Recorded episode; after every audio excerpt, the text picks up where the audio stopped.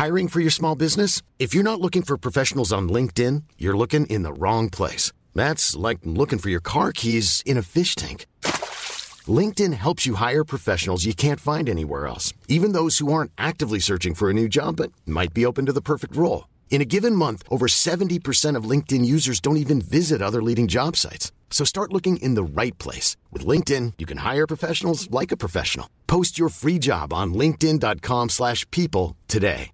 Mom deserves the best, and there's no better place to shop for Mother's Day than Whole Foods Market. They're your destination for unbeatable savings, from premium gifts to show-stopping flowers and irresistible desserts. Start by saving 33% with Prime on all body care and candles. Then get a 15-stem bunch of tulips for just $9.99 each with Prime. Round out Mom's menu with festive rosé, irresistible berry chantilly cake, and more special treats. Come celebrate Mother's Day at Whole Foods Market. Burrow is a furniture company known for timeless design and thoughtful construction and free shipping, and that extends to their outdoor collection. Their outdoor furniture is built to withstand the elements, featuring rust-proof stainless steel hardware, weather-ready teak, and quick-dry foam cushions.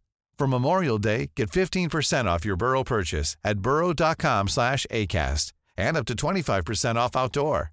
That's up to 25% off outdoor furniture at burrow.com slash ACAST.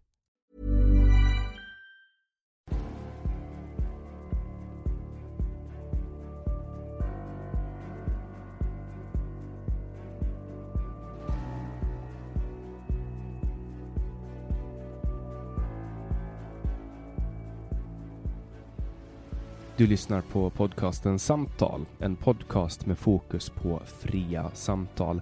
Jag heter Jannik Svensson och jag vill bjuda in dig till vår samtalsgrupp på Facebook. Länk till den hittar du på hemsidan www.samtal.ax.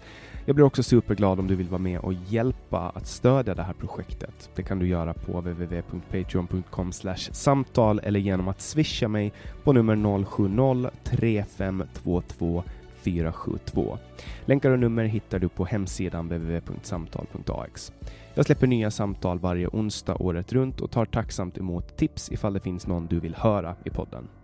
Idén bakom podden är att fokusera på fria samtal. Vi tror att öppenhet är grunden för det demokratiska samtalet och vill uppmuntra dig som lyssnar att exponera dig för samtal med någon du inte håller med om.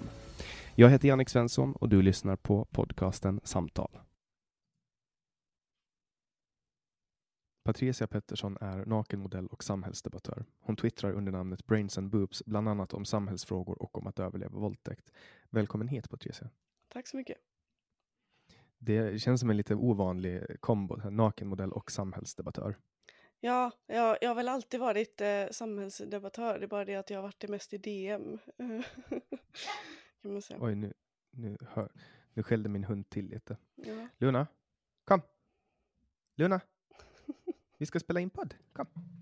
Ja, eh, nu, nu spelar vi in på distans för att det är corona, OSV, OSV. Men du bor i Göteborg här. Jag, jag börjar direkt känna att jag vill härma din göteborgska. Prata lite som ni gör. Nej, men nu.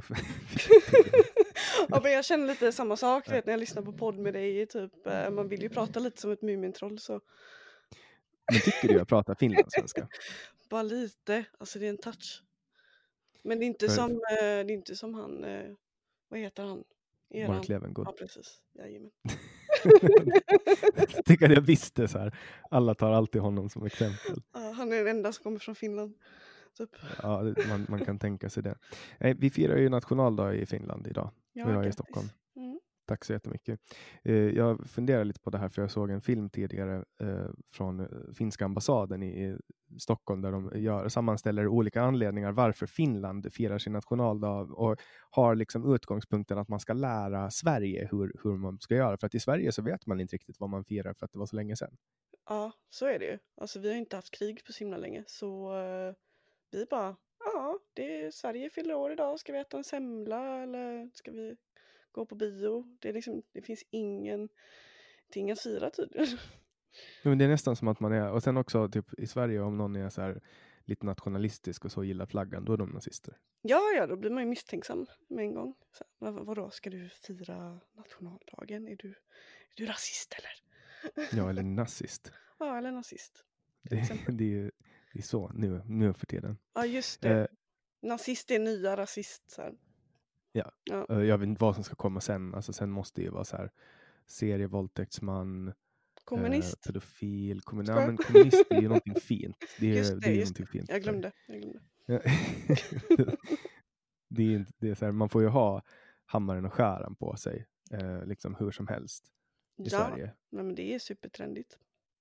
Och konstigt. Jag tycker det är skitkonstigt att folk bara, ja men nu ska vi bära en symbol här som har ja, men förtryckt flera miljoner människor och så där, dödat hur många som helst och tagit flera offer än eh, nazismen och hit och dit. Så sen bara, nu bär vi den här symbolen och så går vi upp på allt som på Skansen. Jag tror inte de förstår det. Jag tror de bara, de läser några rader om kommunism och så tänker de, bra. Men de glömmer att läsa om eh, arbetslägren och människor som blir tagna liksom mitt i natten och ingen vet var de har tagit vägen. Liksom massvält, eh, utrotning liksom. Det glömmer Mm, de att läsa om. Ja, det är ju en ideologi som, alltså de kan liksom inte ens föda sina egna, sin egen befolkning liksom. Ja, Och nu vet du ju var du står där. Nu, nu hör jag lite så här från samhällsdebattörsperspektivet var du kommer ifrån. Mm. Eh, och det är roligt. Och anledningen att, att jag fick kontakt med dig var att du skrev till mig och så eh, pratade vi lite om ett av, av mina avsnitt som jag har spelat in och sen blev jag lite intresserad av din eh, profil för att du skriver att du är nakenmodell. Mm. Eh, och jag tänker ju att eh, alltså nakenmodeller det är ju människor som, alltså jag har ju lite så här fördomar Mm. att ja, men nakenmodeller det är sådana som de, är så här, de ser ut på ett speciellt sätt, har en speciell levnadsstil och så håller de på med vissa saker. okej. Eh, Det är inte att de eh, är helt vanliga människor som jobbar som alla andra eh, och debatterar samhälle på, på fritiden. Liksom. Nej, precis. Eh, Men jag blev ändå intresserad av, av det här formatet för att du lägger upp bilder och filmer via en sajt som heter Onlyfans. Ja. Kan du berätta lite om det? Ja, ehm, jag postar lite vad jag vill när jag vill. Ehm, det är en prenumerationstjänst som går på månadsbasis. Som man väljer själv om man förnyar eller inte. Ehm, ja, och jag lägger upp naket. I princip. Det är, det är mest glädje. jag är en glad nudist. En glad nudist. Och vad, vad skiljer det här från till exempel eh, alltså en helt vanlig porrsajt? Alltså jag gör ju inte porr överhuvudtaget. Eh, plus att eh, man kan ju ha en direkt kommunikation med eh, personen som man följer. Eh, och så blir det mycket vardagligt också. Så det är inte liksom på den här fotoshooten och den här fotoshooten och nu jag spelar jag in en scen där. Alltså det, det, det är allt, man får ta del av allt liksom på något sätt. Man blir en del av eh, varandras vardag på något sätt. Det blir liksom en tvåvägskommunikation då. Ja, precis. Och jag har kollat in Onlyfans för att få en, liksom, en känsla av vad det är och som jag uppfattade i min jämförelse är att det påminner ganska mycket om Instagram, bara det att man betalar för att följa någons konto och då får man också ta del av eh, mer intima eh, bilder än vad man får på Instagram. Ja, precis. Nej, för att du kan ju inte visa en eh, bröstvårta på Instagram för då blir du ju liksom avstängd. Mm, då kommer The Banhammer fram. Ja, ja. Men eh, våld går ju bra. På, på Instagram, ja, ja, visst. vad för slags våld visar de där då? Åh, hemska saker. Det går att hitta. Jag letar inte efter sånt, men eh, man har ju sett ett och annat. Djurplågeri, det är helt okej att lägga upp. Mm. Ja, nej, men en bröstvårta, det, det vet man ju att barn dör ju av att se bröstvårtor. Ja, ja, det är som du vet Medusa. Du vet, de tittar på den som brottsten. Mm. Ja, nej, det, det, man, ja, det är bra att de har ambitionen att hålla, hålla sina nätverk rena, men, men sen tycker jag att det är ganska mycket i allmänhet när de börjar. Twitter lägger ju sig väldigt mycket i innehållet på vad man twittrar och så. Ja, det har man ju Ehm. sett under eh, eh, valet nu i USA liksom. Med de här, eh, alltså Trumps tweets som liksom blir så här eh, markerade av Twitter. Mm. De, kommer att, de blir automatiskt markerade där det står så här att det finns inget vetenskapligt belägg för det det är lite roligt. Ja. Vad, men vad, vad fick dig att, att börja som, som nakenmodell? Vad, vad, vad drog dig in till det? Eh, Ja, men jag har väl alltid gillat att visa upp mig egentligen, liksom lite i smyg. Men eh, det var en, eh, en instagrammare som, som jag pratade väldigt mycket med typ och hon började göra det och då kände jag lite så här, ja, jag vill också göra det, men hur börjar jag? Och börja är ganska svårt alltså, men eh, för att man är, kanske tänker oroa sig lite för vad folk ska tycka och tänka, men men eh, det blev som en bra rensning istället. Så man blir av med alla osköna människor istället. Så nej, det var bara liksom hjärtat det bankade som fan och så, så, så postar man länken liksom. Och så väntar man bara och såg vad som hände. I princip. Och då skrev du ut det på Twitter att nu, nu har du startat Onlyfans, nu kan ni köpa nakenbilder här. Ja, jag gjorde det på Instagram då. Jag är inte på Twitter än. Jag har bara varit på Twitter sedan i mars eller april, tror jag.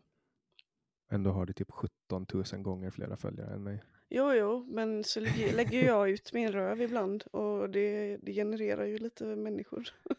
Ja, ska jag göra det, lägga upp en Lätt. bild på min röv, då Lätt. skulle det försvinna. Jag hade Alltså, då skulle- retweetat den dirr alltså.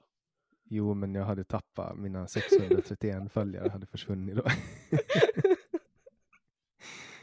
Eh, men vad, vad, vad, eh, du sa att du gillar att, att visa upp dig i smyg. Är det någon form av alltså, någon sexdrift eller alltså, någonting som du går igång på eller är det bara liksom någonting du tycker om socialt att göra?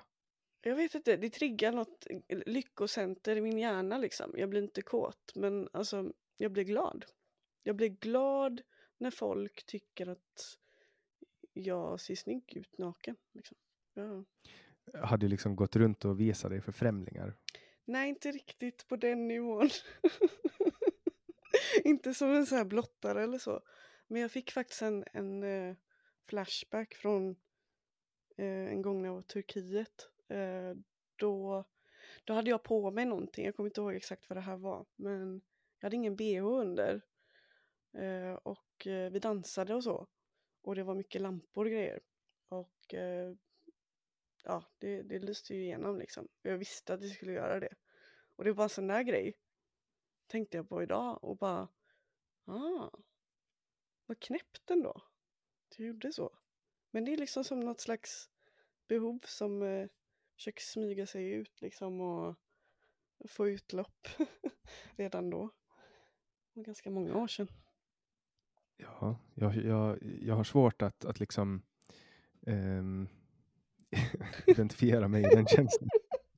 Men eh, jag kan väl försöka koppla det till andra känslor som jag känner att jag kan ehm, Alltså att jag att något avvikande beteende, för att det är ju ändå socialt avvikande Mm. på ett sätt. Alltså det är ju meningen att man ska gömma kroppen. Ja. Så här, dölj din kropp och visa den inte för, för någon annan än den, den du ska älska med. Typ så. Precis. Men eh, Om någon ser dig naken så tappar du ansiktet. Liksom. Det, det är liksom den vedertagna sanningen. Liksom. ja, Mm. men när, när, var det, när började, när märkte du att det här var en grej? Ja, det var ju... Jag började i förra året med det här i augusti. Eh, Men alltså, jag har ju tänkt på det ett tag innan dess. För kompisen började ju redan i mars. Och redan då kände väl jag att "Ah, ska jag inte... Nej, jag vågar inte. Så då, då gjorde jag det inte då liksom. Men jag ville ju liksom.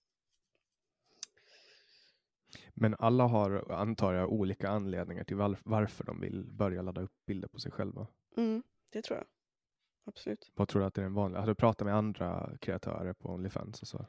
Ja, alltså absolut. Ehm, de flesta gör ju lite grövre grejer och eh, de vill ju helt enkelt ehm, leva på det. Så att, och och då, då får man ju gärna göra lite grejer som, som sticker ut ännu mer. Alltså att de, typ, de gör typ porr, det Ja, vill säga. ja. De håller på och leker och stoppar in saker och så vidare. Ja, precis. Yes. Men För det, du gör inget sånt. nej, jag gör inte det. Det är bara bilder. Ja, och videos och sånt där. Ehm, sen vet man ju aldrig om, om man börjar eller inte. Men Alltså, alltså jag ser det inte just nu.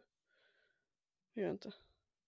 Mm, tror, tror du det finns, eh, alltså, eller tror du, vad, jag tänker ju så här, det pågår ju en debatt nu brett i samhället Mm. som, som där, där folk säger att ja, men porr är farligt. Alla som eh, säljer sex är offer Mm. och så vidare och så vidare. Mm. De är tvungna att gå till prostitution och så vidare och så vidare. Och det är ju inte förbjudet att, att visa bilder på sig själv eller sälja, sälja bilder på sig själv. Mm. Eh, Men det finns ju ändå de som jämställer det här med sexarbete eller prostitution som det heter i, enligt lagen. Jo, jo, men sen du har ju liksom eh, folk som eh, jämför eh, riktiga våldtäkter och säger att det, det är ungefär samma sak som när en ful man lägger sin hand på ditt lår. De finns ju också. Så det finns ju massa sa- alltså människor som tycker konstiga saker. Mm. Det du har upplevt från Onlyfans-världen, tror du att de flesta är där för pengar eller för att de... Ja, ja, varför det är för definitivt. att de vill ha pengar? Tror du att de, alltså, kan det vara, nu, nu kan inte du prata för någon annan Nej, nej, jag absolut eh, ändå tänka lite högt. Alltså, eh, tror du att det finns folk som är där mot sin vilja för att de inte har något annat val? Eh, nej, det, det tror jag inte. Alltså, jag har svårt att se hur, för att alltså, du måste göra det på eget bevåg liksom. Däremot, alltså, du har ju Pornhub, ha, där har du ju eh, tjejer som har blivit utsatta för trafficking. Och jag menar, tekniskt sett så är det ju möjligt med Onlyfans också. Att, ja, om de har eh, stulit ditt pass, att de registrerar dig. Det är ju möjligt alltså. Ja, men det, det känns ju ändå inte som, alltså, man, man lägger ju ut ganska mycket digitala spår som gör att man kan åka fast. Mm. Eh, Det känns ju inte som, alltså om man håller på med trafficking så är ju inte en sida som samlar in information om ens enhet och plats och sånt kanske det bästa, Nej, nej, precis. tänker jag. Alltså rent ur ett säkerhetsperspektiv. Ja. Ja, Att det är precis. ganska, ganska lätt att åka fast om man håller på så. Ehm, men ehm, hur många har du som, som prenumererar på dig då? Ehm, det fluktuerar lite, men eh, ungefär 60. Och då är det liksom som en exklusiv klubb för 60 personer. Är, de, är alla män eller finns det någon kvinna också? Inga kvinnor så vitt jag vet. För jag kommunicerar inte alla med alla, utan det är ju de som väljer att kommunicera med mig. Jag skickar alltid ut ett meddelande till alla som går med, men det är inte alla som eh, kommunicerar tillbaka. Så, så det, det kan jag inte svara på. Får du se deras eh, riktiga namn? Ibland. Om de inte, man kan ju vara anonym, helt anonym. Men vissa vill ju ha sina namn. Så Mm. då vet man ju på ett ungefär vilka de är. Är det någon från eh, ditt privatliv som du känner eh, privat som har liksom börjat prenumerera på dig? Nej, men alltså jag misstänker att eh, en gammal kollega till mig följer mig.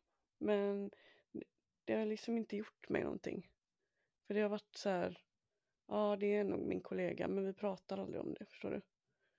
Alltså att han, att han, du skriver med honom och han är anonym Mm, och sen träffas ni i verkliga livet och så säger han ingenting. exakt. Alltså för att, för att vi har liksom inte haft den här, ah det är du som är den va? Vi har inte haft ett sånt utbyte så att, ja, jag, jag, jag antar att det är, men, men vi pratar aldrig om det. Hur känns det för dig då? Eh, det känns ju lite busigt. Okej, ja, jag tänkte att du tycker inte att det är så här creepy. Att usch vad konstigt. Nej men alltså jag väljer ju inte, alltså när du, när du gör en sån här sida så kan du inte välja vilka som kommer gå med. Du kan blockera folk som är odrägliga. Men jag menar, jag är inte den som säger nej du får inte se mig naken. Alltså det får vem som helst göra. Mm. Eller så. Har du haft någon som har varit odräglig då? Ja, en i princip. På, En på av, över en ett av år. typ 60. En av, ja, men det måste, om det fluktuerar så är det kanske över 100 pers som har följt det och det är bara en som har varit. Ja, precis. Jag tänker ju att det ska vara som i övriga sociala medier. Jag har ju tjejkompisar som får så här 15 snoppar i månaden på Instagram. Liksom. Ja, fy fan. Det bara flyger in snoppar i deras inkorg. Korv med bröd. Händer det för dig också via Instagram eller? Ja, förr var det ju, jag hade ju större konto förr och då var det ju, men de, de bilderna eh, på främmande snoppar brukar ju oftast hem, hamna eh, bland meddelanden, förfrågningar. Så. så man slipper ju se snopparna nu för tiden. Om man inte öppnar och trycker på bilden liksom. För att det står ju typ bilden är, är suddig eh, för att den innehåller eh, något konstigt. Mm. Exakt så står det inte men ja. Det är ju, mm. De har, de har kanske utvecklat någon algoritm som känner igen en, en snopp ja. och, och filtrerar den. Men inte alltid. Ibland skickar typ någon en bild på en sån här typ, om du tänker dig typ en sån 80-tals eh, arabisk blombukettsbild liksom. Och då, då blurrar liksom Inst Instagram den bilden. Och bara, ah den är farlig. Så öppnar man den och så bara, jaha det var bara en sån här konstig blombild liksom. så de har inte helt, eh, helt koll kanske. Jag, ska, kolla, jag, jag, jag har en, det, fin, det finns en, en AI, det här, är ganska, det här är helt sjukt. Alltså det här är en av de sjukaste sakerna jag har sett på internet. Jag ska se om jag hittar den. Det är en, alltså, eh, det, var någon som gav eh, alltså en, en, dator, alltså, ett, alltså en artificiell intelligens, Ja. eh, 25 000 snoppbilder. Eh, och så lär, lär de, lärde de den här datorn att att, att rita snoppar. Så man kan liksom slumpa och så kommer det upp och så kommer det upp olika snoppar.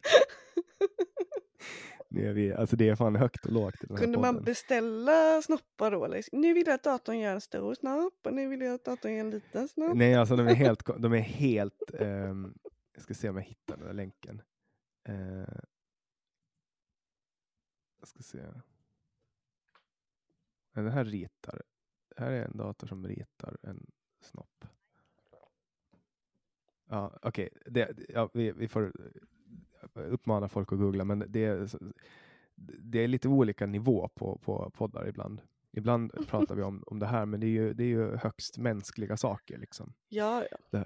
det är någonting som sker. Ena dagen sitter jag och intervjuar någon som har nästan förlist, dött i drunkna med en färja som har gått ner i Östersjön och andra dagen pratar jag snoppgeneratorer. Men eh, Sånt är livet.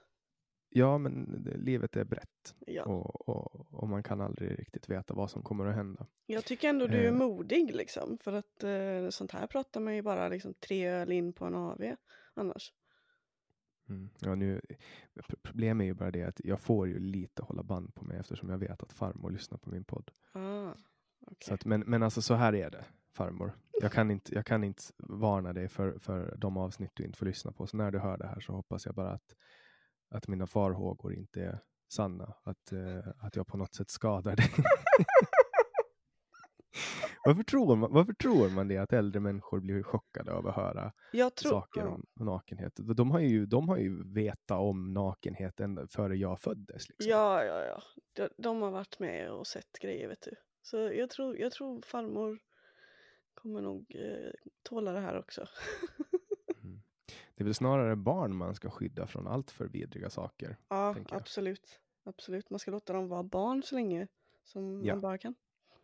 Det handlar in, jag tror inte att sex förstör barn på det sättet, alltså att de blir traumatiserade och förstör barn som många säger. Jag tror bara att det har, precis som du gör, som du säger, att man ska låta barn vara barn. De kommer att upptäcka sex någon gång. Mm. Man behöver inte forcera det Nej, på dem. nej, precis. Instämmer. Ehm, det blir ju bara värre och värre liksom. Alltså som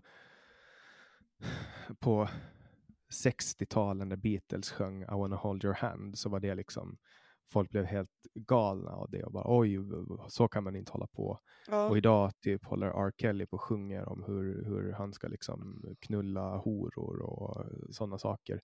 Och, och då går ungarna runt och lyssnar på det och bara oj, yeah. du vet. ja, och kvinnliga rappare liksom eh, rappar om sina wet ass pussy. Man bara, eh, ja. Det är den här kulturens förfall. Åh, gud, jag gillar inte min samtid. Men så har man ju alltid tyckt. Det var ju någon av de gamla grekerna Mm. som, som skrev att nu för tiden vill alla barn bara skriva en bok. Alltså sådana grejer och bara prata om ungdomens förfall. Att, men den sker gång på gång på gång. Det var bättre förr. Ja, jag tycker att det var bättre för Ja, det var det garanterat. det att när, när man var ung och kunde spela Nintendo 64 och. Sommarlov och isglass. frukost på sängen när man sov över hos mormor. Glassbilen förrän det började komma kulor som penetrerade dess plåt och Ja, sköt sönder den så nu vågar de inte köra i förort. precis. hur, hur gammal är du? Här jag, Ja, 29. 29, okej. Jag är nästan 27 så det skiljer bara några år så då är vi ju typ jämngamla. Ja, förutom att jag är äldre än dig då. Ja, men vadå två, tre år? Vi är typ jämngamla. Jag går ju på en skola där det är så fullt med 19-20-åringar. Oj. Ja, det är lätt att förvirra sig. jag går ju typ tillbaks till min gamla så här, gymnasiekaraktär som jag Ja. hade då. Och det är ingen människa som jag vill ha att göra med. Nej, men du kanske känner att du behöver den versionen av dig själv bara för att kunna relatera till de här ynglingarna. Ja, eller så kanske jag bara behöver leva ut det. Ja, antagligen. Bli klar med det. Liksom. Jag blev ju vuxen när jag var bara 18. Typ. Mm. Så. Ja, okej. Ehm, när blev du vuxen? När jag var 13. Vad hände då? eh, jag tog ansvar för mig själv första gången. Jag... Började eh, du laga egen frukost eller började du typ? Nej, I wish alltså. Men eh, jag blev... Eh, det var sista gången jag blev slagen av min far. För att eh, jag ringde polisen den kvällen. Och, och du, fick, du fick stryk av din pappa alltså? Ja. Och hur länge pågick det? När började det? Eh, när jag var fem, sex började det. Jag var ju väldigt, eh, alltså jag var ett hög energibarn liksom. Så, eh, och jag hade lätt för att bli arg. Väldigt mycket känslor, svårt att reglera och sådär. Och eh, han var ju likadan. Så det skar ju sig mellan mig och honom ofta. Fast jag, jag slog ju inte först om vi säger så. ja, nej. Så ja, det var det som hände. Så det var att ni började bråka så mycket att det eskalerade och blev våld? Ja, eller direkt att han blev sur över någonting. Och när han väl blev sur över någonting så blev han arg. Och när han blev arg så var han tvungen att få utlopp för det. Så det var liksom, han behövde bara lägga ett slag liksom. Det han behövde det. Och sen gick han. Så det var inte så att han stod kvar i det och typ matade liksom. Men Och det var inte heller, det kom liksom inte från någon form av sadistisk läggning utan det var frustration som tog sig ett sjukt uttryck. Mm, jag tror mer... eh, jag menar, någon glädje fick han ju av det. Eh, jag har ju vissa minnen där, där man har pratat efter eh, en sån incident. Eh, och jag har fått höra att jag är töntig som gråter till exempel. Och det, det hade han ju väldigt roligt åt alltså. Så, men jag tror inte själva slaget liksom. Eh, att lägga slaget tror jag var bara reaktion som, som han släppte lös. Förstod han att han gjorde fel? Alltså var han ångerfull efteråt? Nej, han, han gillade inte konsekvenserna som blev eh, när jag anmälde honom. Men eh, han blev ju uppfostrad på samma sätt med slag.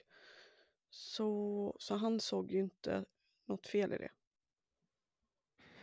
Eh, och, och du ringde polisen när han, vad, det, vad fick dig att, att ringa polisen just den kvällen? Ja, alltså jag vet inte, jag... Jag bara tittade på mig själv liksom en lång stund i spegeln och funderade på om jag skulle springa därifrån och sen landade jag i att eh, ja, jag ska göra det. För vi skulle nämligen ätit mat eh, då. Men eh, jag var sur på honom för att han hade hyrt fel film och eh, ja, det här är länkat till en tidigare incident under kvällen då. Vi skulle hyra film och jag är så här trotsig tonåring liksom och surar över det och lägger lite syrliga kommentarer. Och då får jag ett nackgrepp. Så när vi kommer hem så är jag skitsur över det här. Springer ner till mitt rum då. Det var en, ett eh, rad, det var mer som en, ja det var ett hus med två våningar. Um, så jag springer ner till mitt rum, för jag bor på nedervåningen då.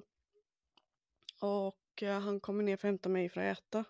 Och eh, jag bara vägrar liksom. Jag, ska, jag tänker inte gå upp och äta. Och så säger han eh, titta på mig och jag bara ja, jag vägrar.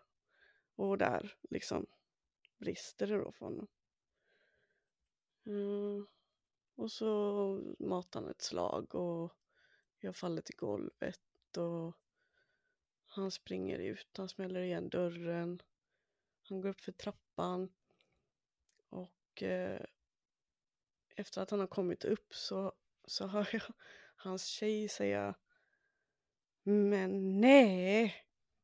Så då fattar jag ju att han har sagt till henne vad som har hänt. Hon visste inte att han, att han slår dig då?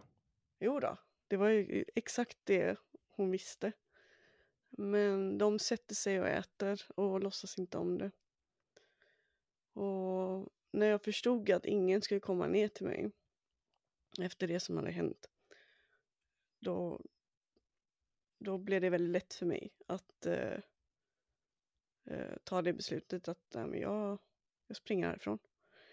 Jag hade inte ens skor på mig. Det var i oktober och det regnade ute. Vart sprang du? Uh, jag fick springa typ... Jag sprang väl typ 300 meter bort innan jag vågade ringa liksom. Och sen fortsatte jag springa till min gamla skola. Eh, och polisen kopplade mig till mamma och ja, så mötte jag upp mamma och sen fick jag ju dra till eh, sjukhuset då för att dokumentera skadan i ansiktet. Och sen eh, polisen då för att upprätta en anmälan.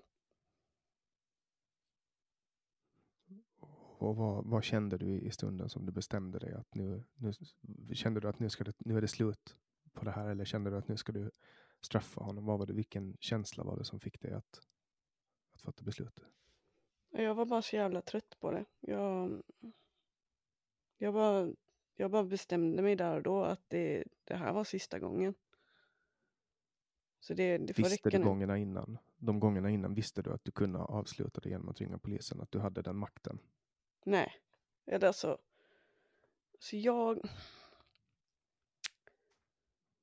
Jag hade nog kunnat tåla att få stryk, men att få stryk och sen, och sen bli lämnad där nere medan de sitter och äter och låtsas som ingenting.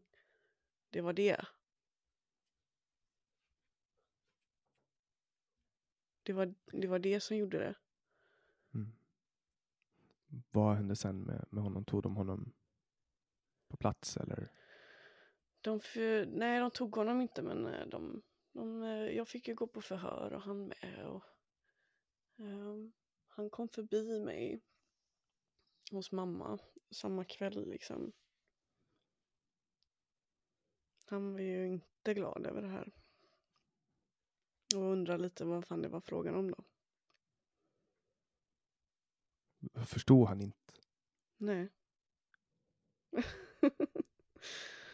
så för honom så var det här, det här var bara helt normalt liksom? Ja. Ja. ja, det är lite konstigt så. Ja. Jag, kan, jag kan liksom inte förstå det. Um, men, men jag menar, vad, vad kom han från för, för bakgrund? Alltså, där han blev, var det bara tidens anda eller kom han från någon, någon kultur där det var okej okay att, att göra det i en annan utsträckning? Jag tror det var, ja, gud, det är, det är en jättesvår fråga för jag menar, han är född, han är född eh, sent 60-tal liksom. Så, Och när blev barnaga förbjudet i Sverige? Eh, vi får live-googla. Ja, jag vet att det var på 70-talet, men när på 70-talet? Under 70-talet började barnaga att debatteras på allvar i Sverige. Ja. Ehm,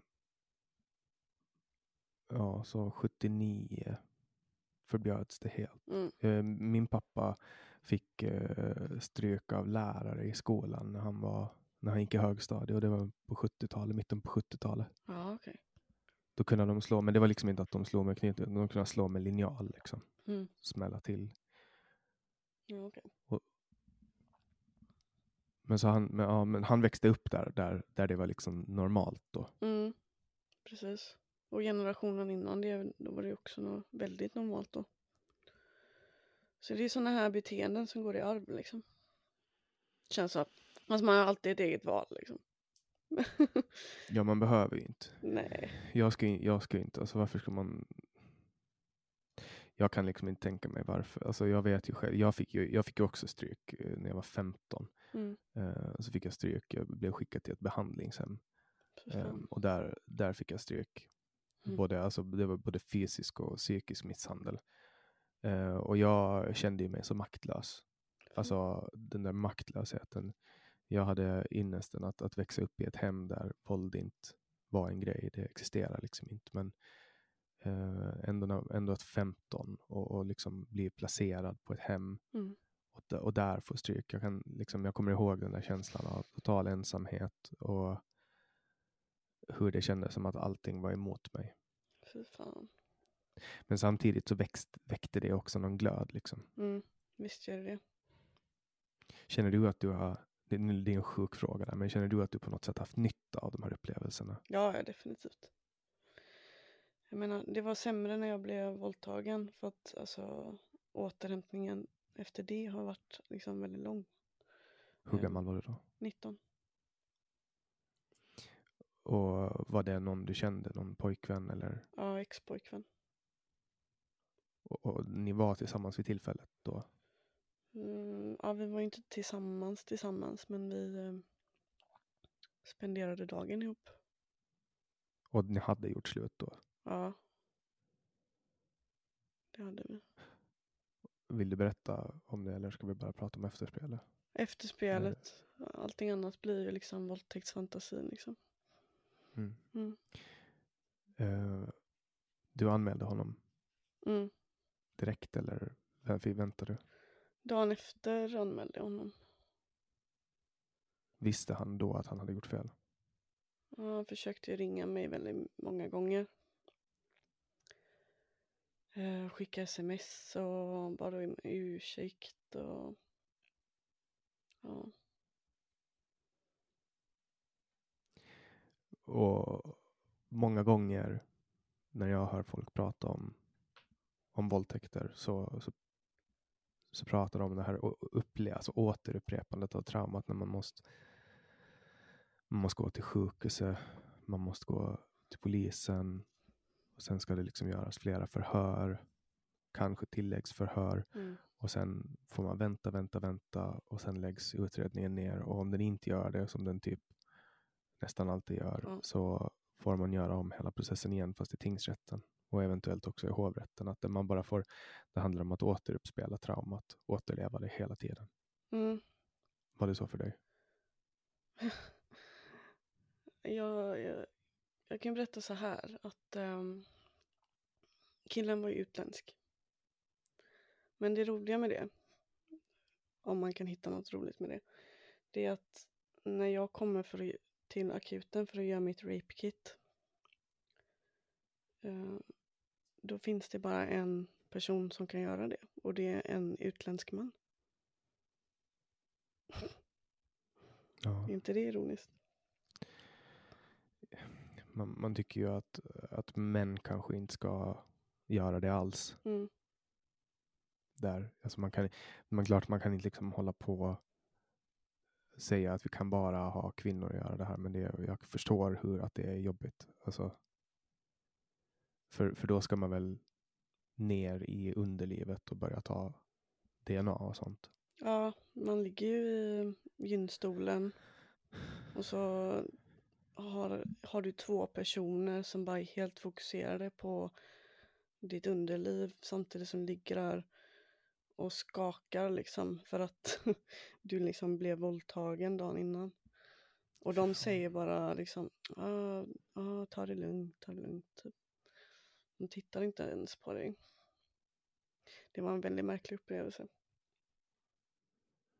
Och det som någon form av våldtäkt på nytt liksom. Ja, alltså det hade nog känts bättre om det var en, eh, en kvinna som jobbade just då. Eh, men det hade nog inte varit trevligt helt oavsett. Så det var bara lustigt att eh, de passade samma mall liksom. Mm. Mm. Ja, nej, jag, jag, alltså jag kan inte tänka mig hur. Alltså jag, vet, jag har folk i min omgivning som har blivit utsatta för, för våldtäkter och det är nästan alltid som personerna får gå. Du vet, mm. våldtäktsmännen går fria. Ja, ja absolut. Det... Var det så i ditt fall också? Eller? Ja, ja visst. Uh, de hade in mig på flera tilläggsförhör. Uh, och sen uh, den här polisen som ansvarig i mitt ärende. Första veckorna sa han att vi ska ta in honom en gång och ska sätta dit honom. Sen gick liksom veckorna och uh, helt plötsligt så var inte han polisen som hade ärendet utan det hade lämnats över till någon annan. Jag tror det han gå fyra månader innan de tog in honom på förhör. Och eh, en vecka senare så var det nedlagt. För att det inte gick att bevisa att du sa nej? Ja, ord mot ord. Ja. Det var inte ens eh, samtyckeslagen tiden liksom, utan det var ja men slog han typ ihjäl dig liksom tvingande liksom verkligen. Alltså det var ju ord mot ord. Man hade behövt haft det filmat eller eh, helst hade man väl haft eh, fyra manliga vittnen i rummet. mm. Kanske. Ja, så var det i fallet också för en, en person i min närhet som, som blev våldtagen. Hon, det var samma för henne. Liksom. Han erkände till och med liksom, via sms. Ja. Eh, men men eh, sen sa han på förhör att nej, men hon var med på det. Mm. Och, men med nya samtyckeslagen så skulle jag ha, inte ha gått. Vad, vad tycker du om, om den lagen? Jag tycker den är bra, alltså så länge den inte missbrukas. Jag tänker, eh, jag har inte kollat statistiken direkt. Um, för att speciellt män gillar ju att prata om eh, falska anklagelser. Även om det är en bråkdel av anmälningar. Jag vet inte om det har gått upp eller inte. Mm. Ja, det händer ju alltid att eh, någon kommer att anmäla falskt och det kommer alltid att hända att någon blir oskyldigt dömd och det kommer alltid att hända att folk eh, slinker förbi utan att bli dömda och, och lagstiftning är ju extremt svårt. Mm. Alltså extremt svårt, speciellt när det handlar om situationer där, där, eh, där det bara är två personer som har varit med, men som det har varit. Mm. Alltså att de flesta som våldtar aldrig åker fast. Mm. Så kan det inte vara. Tror det skulle vara bättre om folk fick bära vapen. Ja, definitivt. men det hjälper dig inte när du är förstenad av skräck. Så. Men det kan, man, det kan man öva, eller? Mm, det kan man öva. Man kan gå självförsvar. Man kan lära sig psykologin, liksom. Eh, hur du ska tänka när du är på väg att bli attackerad, för då kan du mentalt förbereda dig själv. Hade du eh, tränat självförsvar på något sätt? Ja, jag gick en, eh, tog en privatträning med eh, en kille som eh, driver en eh, förening i Göteborg som heter eh, Fighting Against Rape. Så vi hade fem lektioner där vi eh, gick igenom olika grepp och kast och ja, det mesta egentligen som man kan göra mot någon. Var, var det någon speciell disciplin av någon kampsport eller var det blandat? Uh, han han pysslar ju med, är det jujutsu han s- pysslar med? Så han tar ju mycket från det. Men jag tror han blandar det med, ja. Nej, det- det är jujutsu är det. Ju börjat, jag har ju börjat på thaiboxning. Ja, just det. Jävligt roligt. Ja, det är skitbra träning. Ja, men det är bra träning för, för bålen och, och så, men sen får man också, det är, det är en rolig träningsform. Mm.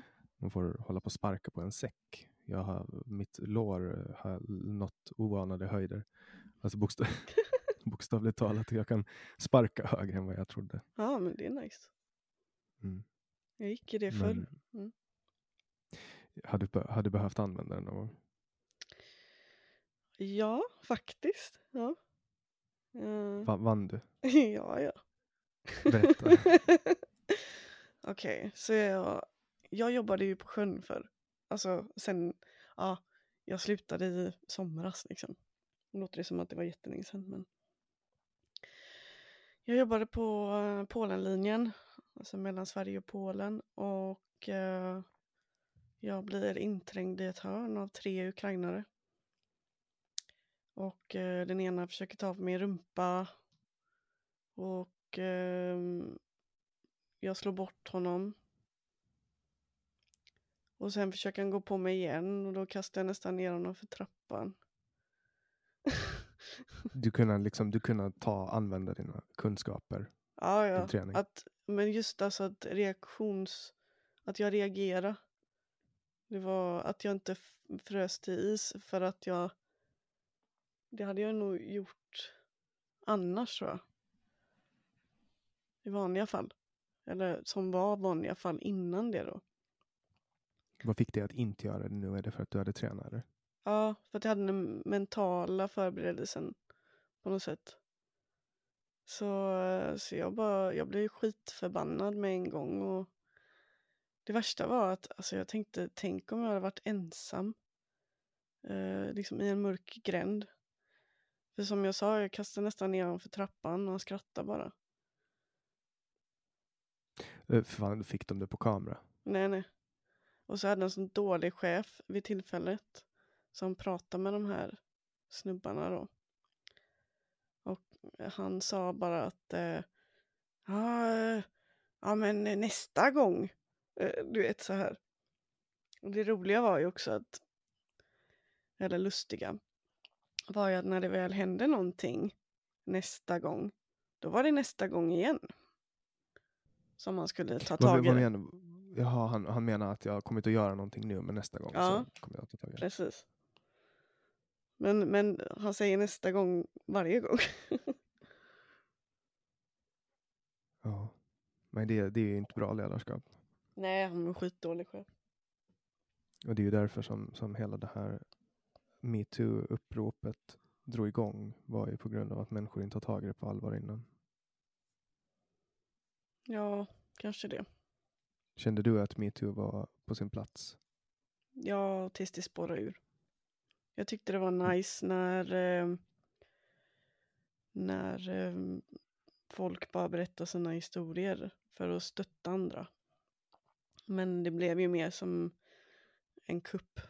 Och sen blev det liksom Ja, en gång pussade en kille mig och jag tyckte inte om det.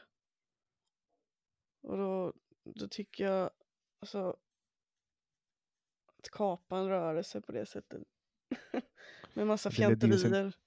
I, Det ledde ju till död sen också. Folk tog livet av sig. mm, ja, ja, killar har ju... Det var en snubbe som blev av med jobbet. Var det i Storbritannien? För han blev fast anklagad. Så han tog livet av sig. Sen har det ju han eh, de drev mot. Ehm, han som var chef någonstans. Ja, Benny Fredriksson Ja, som var chef på eh, Stadsteatern. precis. Han, han tog livet av sig. Mm. Så jag menar... Nej. Jag vet inte. Du vet, så fort någonting blir stort så känns det som att det, det bara, speciellt om det är lätt av kvinnor, så liksom bara sipprar det bort, förlorar sin mening, liksom tappar all form av eh, konstruktivitet. Hade, hade män styrt upp metoo-rörelsen så hade den blivit jättebra. tror jag. Men tror du att den hade skett om män hade styrt den? Ja, det finns väl män som är emot eh, våldtäkter också. Män blir också våldtagna. Mm. Det är ju, det är ju väldigt, väldigt få i förhållande till hur många kvinnor som, som blir våldtagna. Nej, inte om du ser till um, fängelsepopulation. Då blir Ja, det nej, fler, då är det Mm. fler män som blir våldtagna än kvinnor. Ja, alltså fängelsevåldtäkter, det är någonting som man verkligen inte... Tar Det- i det är med tång. Ja, nej, det pratar ju man väldigt sällan om i den feministiska debatten. mm, Det nej, är ju ja, vidrigheter och, och, alltså, mm, som pågår. Mycket, mycket förstår jag att handlar om maktspel, men också extrem sexuell frustration ja, koncentrerat eh, hos människor som är våldsbenägna Mm. redan. mm, Eh, det kanske man behöver, behöver jobba lite på, för det ska inte få hända. Man ska inte i en statlig anstalt kunna bli våldtagen. Liksom. Man ska inte kunna få tag på droger i en statlig anstalt heller, men det finns få ställen där det är så lätt att få tag på droger som på svenska fängelser. ja, men hur funkar det egentligen? Är det alltid en eh, plit som liksom tar in skiten eller är det besökarna som gör det? Eller? Alltså det, det måste ju vara fångväktarna, tänker jag, fångvaktarna. Mm, Alltså var, var, hur ska det annars komma in? Liksom? Eller, eller nå- någon form av logistik kring, alltså jag, vet, jag, tror att, i- att i många fall så är det de, alltså det är ju så värt så mycket pengar. ja. Och det är en Så. bristvara också. Så. Ja, ja, inne i fängelse i alla ja, fall. inne i fängelse. Det är ju så sjukt att det måste finnas drogfria avdelningar på svenska fängelser. Ja. Va, vad innebär drogfria Ja, avdelningar? inga, fi- att det, finns inga droger där, Ja, okej. har du hört? Här får ni inte knarka, men där borta kan ni knarka. Eller vadå? Ja, det ja, nej, men det Galet. det är jättekonstigt. Mm. Mm. Eh, jag pratade om det med Mustafa Panshiri. Mm. För han skrev, eh, han har varit med på den och han skrev i sin bok Det landet som kunde Mm, den är eh, tillsammans, ja, tillsammans med Jens Gahman. Då pratar de ju med, de pratar om att någon hade varit, om det var typ någon utrikesminister, Mm. Margot Wallström eller någon, Mm. eller Beatrice Ask kanske, som hade varit i Japan och frågat så här, ja men hur, hur gör ni med droger i fängelse? Och då hade de svarat, vadå droger? Inte, det, finns, det finns inte droger här, det här är ett fängelse. ja, just det. Sån där, det, det, är lite symptomatiskt Sverige. Men sen samtidigt så finns det någon liten, liten mörk del av mig som, som tycker att är det, är det någon som har typ våldtagit barn Mm. som blir utsatt för någonting hemskt i fängelse så känns det som att det är karma. Även om en rättsstat inte funkar på det sättet så Ja, alltså. Jag kommer inte gråta liksom. Om det händer en pedofil någon, någonting. Eh, typ. Anders Eklund. Ja, nej gud, nej gud. Han, han, kan, alltså, han kan gott och väl få stryk och allt möjligt i fängelse tycker jag. Ja, Även om det inte är Jag, lagligt. jag så. tycker liksom vi kan göra det humana och bara avliva honom. Så, så kostar han inte oss massa pengar. Liksom. Han, Ja, för det är ju inte ett misstag man gör. Man, man mördar och våldtar och styckar inte ett litet barn i misstag. nej, Och sen han, ändrar man sig och blir bättre. Jag menar, hans story är väl typ att han springer på den här lilla bruden liksom. Och hon är lite vass i käften. Och därför så våldtar han och mördar henne. Men var det inte så att han såg henne på cykeln och bara tog henne? Jag minns inte exakt. Men vad då interagerade de med varandra? Ja, ja, han menar att det var någon slags interaktion där innan han plockade henne. Hon var ju bara Elva. liten. Hon var väl Ja. 10-11 år. Ja. Liksom. Lilla Engla.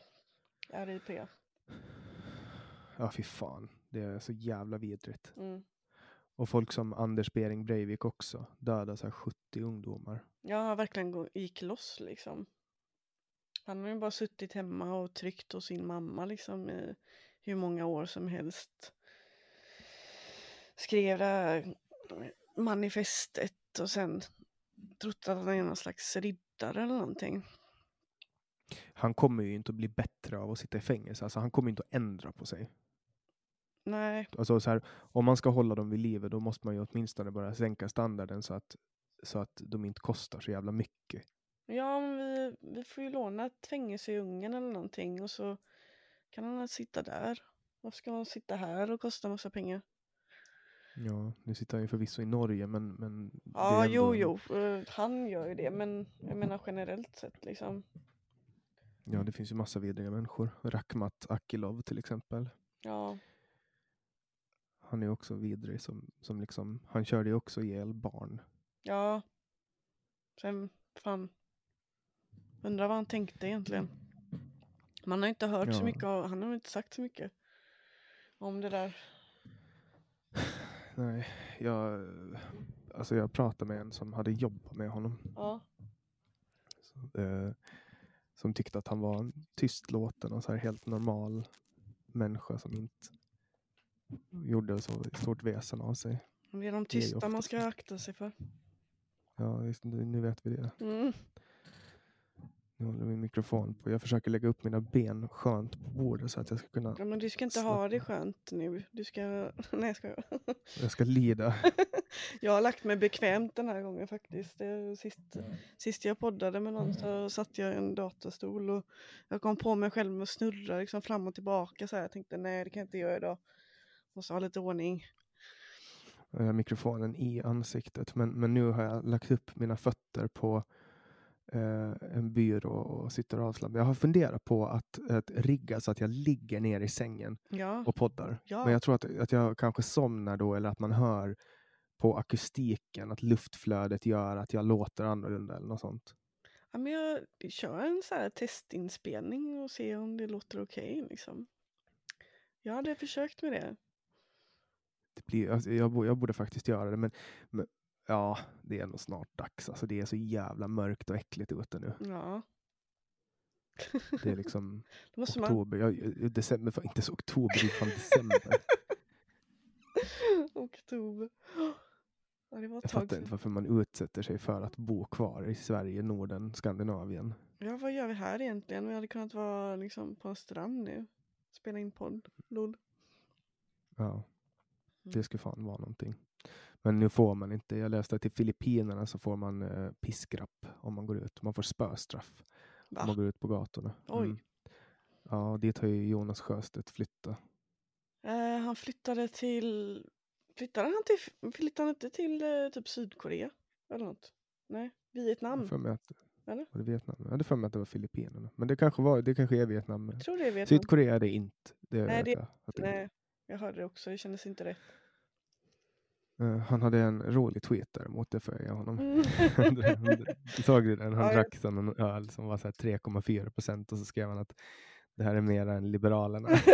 jag såg det. Ja, det var nice.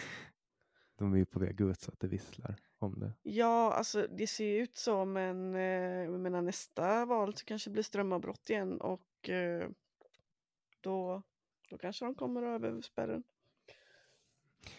Alltså var, jag, satt, jag satt och hoppades och bad till gudarna att Miljöpartiet ska åka ut. Mm. Ja, det var så nära, det var så jävla. Och tusen, tusen röster ifrån, liksom några tusen. Ja. Ska de ha åkt ut? Nej, men livet är ju lidande, vet du. Det är därför MP är kvar. Ja. Ja, vi måste lida nu. Mm. eh, för att få, när vi kommer till himlen sen, få ha det bra. Jag tycker att det, jag blir så förvånad över att Sverige, över att nästan ingen har liksom gjort en samlingsregering. Ja. Det brukar man ju göra i tider av krig eller kris. Mm. Och det här har ju varit en kris. Det här beskrivs ju som en av de största kriserna sedan andra världskriget. Mm. Eh, det slår liksom alla ekonomiska kriser och allting. Eh, men att man fortfarande haft en minoritetsregering genom den här pandemin, det tycker jag är jättekonstigt. Det man borde ha gjort var fällt regeringen typ i april, Mm. gjort en samlingsregering och tagit tag i det här. För att nu blir ju samtidigt då oppositionen, alltså Moderaterna och ja, mod- Moderaterna och Sverigedemokraterna sitter i opposition. Mm. Alla andra sitter ju på något sätt aktivt med i regeringen men ändå inte. Ja, Men, men de är ju, nu är ju Sverigedemokraterna och Moderaterna lika skyldiga till, till den här masslakten som har skett på äldre i Sverige. ja, alltså jag förstår inte ens eh, hur det har kunnat gå till. Eh, jag menar, äldre har inte ens fått eh, individuella bedömningar. Utan det har bara varit så här, ja men ge honom morfin bara så dör han. Det är också som är så sjukt att det är så många som försvarar den här taktiken. Jag, jag möter dem hela tiden. De upprepar det som, som Stefan Löfven och, och eh, Ann Linde säger i, eh, i tv. Liksom. Mm. Det är hemskt. Alltså typ så här, ja men, ja men Sverige är bättre på att mäta antalet döda i corona. Det är därför vi har så höga dödstal. Typ sånt kan det ju komma. Vi har väl typ 11 gånger fler döda än Norge. Ja, men vi kanske är elva gånger bättre på att mäta antalet döda. Ja, kanske. Det kommer ju sådana saker och sen kommer det också det här typ när, när Linde satt i tysk tv och skyllde på äldreboendena. Ja. Och sen skyller de ju nu, nu skyller ju också de, de bara skyller på Regionerna. Ja men regionerna. Det är Mm. så här, ja fan nu håller det på att gå åt helvete här. Ja men vi skyller på regionerna. Men- Och det, då skyller man på 21 regioner samtidigt och då är det liksom, man pekar inte på någon men man pekar bort från sig själv. Men det gör de ju hela tiden. Ja, det är ju allas fel men inte regeringens. Det läste jag eh, ny- nyligen. Ja, Jag poddade om det med Anders Hesselbom. Då konstaterar vi att, att, att alla har gjort fel. Förutom regeringen. Ja men det Precis alla. Typ Annika Strandhäll var ju ute nu i helgen tror jag det var och pratade om att eh, ja, vi måste ta ansvar för invandringen och ja, det har väl blivit lite dumt. Samtidigt då så hade de ju stressat eh, fram en, eh, eller lämnat in då en, eh, något förslag liksom i fredags som skulle göra det lättare för de här 9000 afghanerna att stanna kvar i Sverige. De, deras amnesti är väl precis på väg att gå ut om jag har förstått det rätt. Precis. Och eh, de hade ju något annat förslag och det blev nedröstat. Så nu i fredags så lade de ett nytt förslag då att ja men om de här 9000 afghanerna kan hitta en sambo då kan de stanna kvar. Ungefär. Ja. Ehm, jag har ju lärt känna eh, två av dem. Eh, som, av de 9000. Spännande.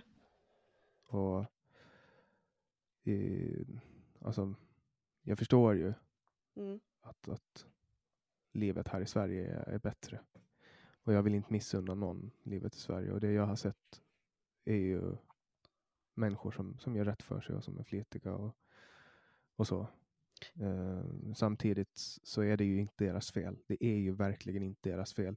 Det här är en svag regering och eh, Annie Lööfs fel. Hon ville, hon, hon ville liksom inte det var för nära valet. Det gjordes, man tog de här 9000 afghanska unga männen och så gjorde man dem till ett slagträ Mm. och utnyttjade dem i politik och nu är det de som får lida. Ja, ja, men det blir så.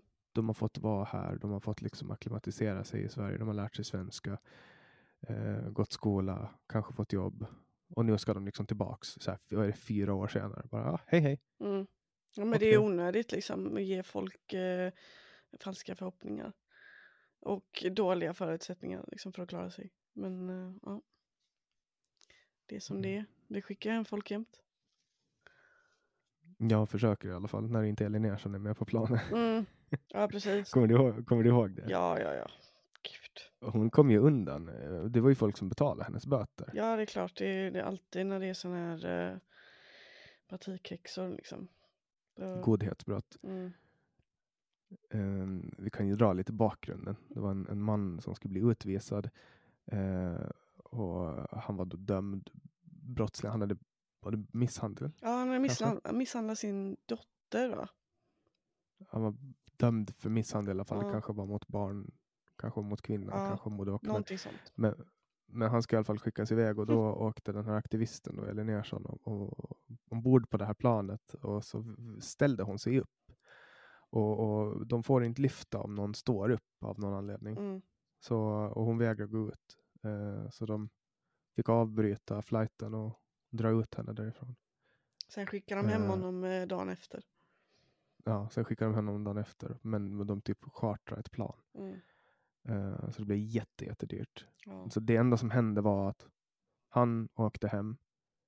Uh, massa resenärer fick lida. Mm. Um, hela schemat fuckades upp på flygplatsen och sen kostade skattepengarna jättemycket pengar och hon uh, fick böter som, som folk betalade åt henne. ja, men godhet är gratis vet du. Ja, men godhet kostar jävligt mycket pengar. Ja, det, det, det är gratis när du är god. Eh, Det, det är bara det att det inte är gratis för alla andra. Mm. Nej, det är ju någon annan som betalar. Mm. Man hör ju ganska tydligt eh, att vi står rätt nära varandra politiskt. Ja, ja, men du, du, är du fortfarande politisk sekreterare för Medborgerlig Samlings motsvarighet i, på Åland? Nej, Ja, det är, ja, det är du. Jag, jag kallar mig själv libertarian Mm. eftersom jag är libertarian. Men, men Mm. liberal är ju det som är... Mattias Svensson brukar säga att han är liberal. Mm. Och jag är liberal. Men jag var förut en del av Liberalerna. Men, men jag bytte bara för två, tre månader sedan parti då, Ah, okej. till obunden samling. Ehm, och, så. och där har jag liksom den här fallhöjden att jag kan vara libertarian. Men jag ser det som att, att det är en, ung, en period som jag går igenom nu under ungdomen. För att jag vet ju att jag kommer inte att få se min utopi. Nej. Jag kommer inte att få se ett fritt samhälle med en minimerad stat som är jätteslim och, och frivilliga skatter. Ehm, det kommer inte att ske. Mm, så att nu, nu får jag bara liksom anpassa mig. Men jag har fortfarande det jag tror på, det jag tror att är rätt. Och, och jag trivs ganska bra med det. Mm. Är det samma för dig? Eller tror du att, att man kan vara libertarian hela livet? Jag menar, jag tror man får eh, man får se till vad samhället behöver också. Nu, nu har det blivit väldigt sossigt i, i Sverige. Då, då be- behöver man ju... Blivit, det har väl alltid varit. Före, före det var nazistiskt. det, det är ju samma sak. typ samma sak. Ja. Ehm, nej men alltså, alltså, vi behöver ju mindre stat, mer liksom frihet. Mindre skatt, liksom. Lägre skatt. Jag köper inte det här med att eh, staten alltid ska ta hand om medborgaren när det skiter sig. Jag tror att det separerar människor från sina liksom naturliga eh, bundsförvanter. Liksom. Familj. Mm. För att du Mm. behöver liksom inte eh, hålla dig på god fot med din familj om du kan springa till staten och få pengar när det skiter sig. Men däremot om det inte finns någon stat som kan ge dig pengar då gäller det att du är ordningsam och trevlig och eh, gör som du ska. Ja, ex- exakt. Det, det är det som är grejen. Ja. Det kollar man också på rent vetenskapligt, alltså de som bor, må- många klansamhällen som har baserats i Sverige är ur det här perspektivet eh, är föredömen, alltså eftersom de lever flera generationer tillsammans. Och det gör att man lever längre av någon anledning. När flera generationer bor under samma tak. Du vet, det blir en, en sån här naturlig övergångsgrej, att när barnen blir äldre och själva får barn, Mm. då blir mamma och pappa då gammelfarmor och, eller far, farmor och farfar då kanske som är matriark och patriark. Att de eh, börjar gå i pension och de är hemma och tar hand om barnen när mamma och pappa är ute och jobbar. Och, du vet att det blir en na- naturlig liksom, övergång. Mm. Att allt eftersom de äldre drar sig tillbaks och kanske stannar hemma mera så kommer det små barn. Att det, så har det funkat förut. Ja, så Eh, funkar, nu, det, nu liksom, så funkar det fortfarande i Österrike till exempel. Inte för att det var då, sa du? I Österrike? Ja, ja. Alltså jag, jag bodde i Österrike i ett år ungefär. Med en kille där. Och jag menar, han, han bodde i ett ganska stort hus. Ehm, men, men han bodde ju hemma. Alltså det var hans föräldrars hus. Ehm, men de bodde, vi bodde ju då på samma plan som, som hans föräldrar. Sen hade hans stora bröder varsin lägenhet eh, på tredje och fjärde våningen i huset. Och sen hade du farmor längst ner i huset. Låter hur mysigt som helst. Ja, det var supermysigt. Behöver man inte oroa sig över hundvakt och sånt. Ja, men precis. Nu hade de inga hundar eller så, men, men det var ju ändå, alltså jag gillar inte hela det här med att eh, äldre ska liksom ruttna bort på något eh, äldreboende. liksom, Nej, de sista tio åren. Det, det är super eh, cyniskt. Ja, så sta- staten har ju liksom skjutit oss i den riktningen att ni ska skaffa egna lägenheter, ni ska skaffa egna familjer. Det är en grej att man ska flytta ut så fort som möjligt. Mm. Ehm, jag vet inte om det är helt supernaturligt att vi ska hålla på så. Jag tror inte det. Jag tycker det är klart man ska flytta om man vill, men, men jag vet inte om staten aktivt ska hålla på ehm, skapa. Jag vet inte, det är en svår fråga. Ja. Jag ska inte, nu låter jag ju som en så här eh, konservativ kulturdebattör som tycker att det gamla familjeidealet var det bästa. Typ. Ja men typ, men, ja, så låter väl jag också men Nej men alltså jag, jag känner ju att, eh, vad säger jag känner då, men vi, vi är inte lika nära varandra nu som, som man var förr. Alltså när man var liten, alltså det, det har hänt mycket på bara 20 år. Bara en sån här grej med att gå och knacka på någons dörr. Ja, ja, det Det är ju inte. konstigt att knacka på någons dörr så här, utan att skriva på Facebook först eller ringa. Mm. Ja, Eller att någon annan svarar. Om någon annan svarar i någons telefon så blir man så här wow. ja Och förut var det alltid så här familjen Andersson. Ja, vad hände med hemtelefonerna liksom?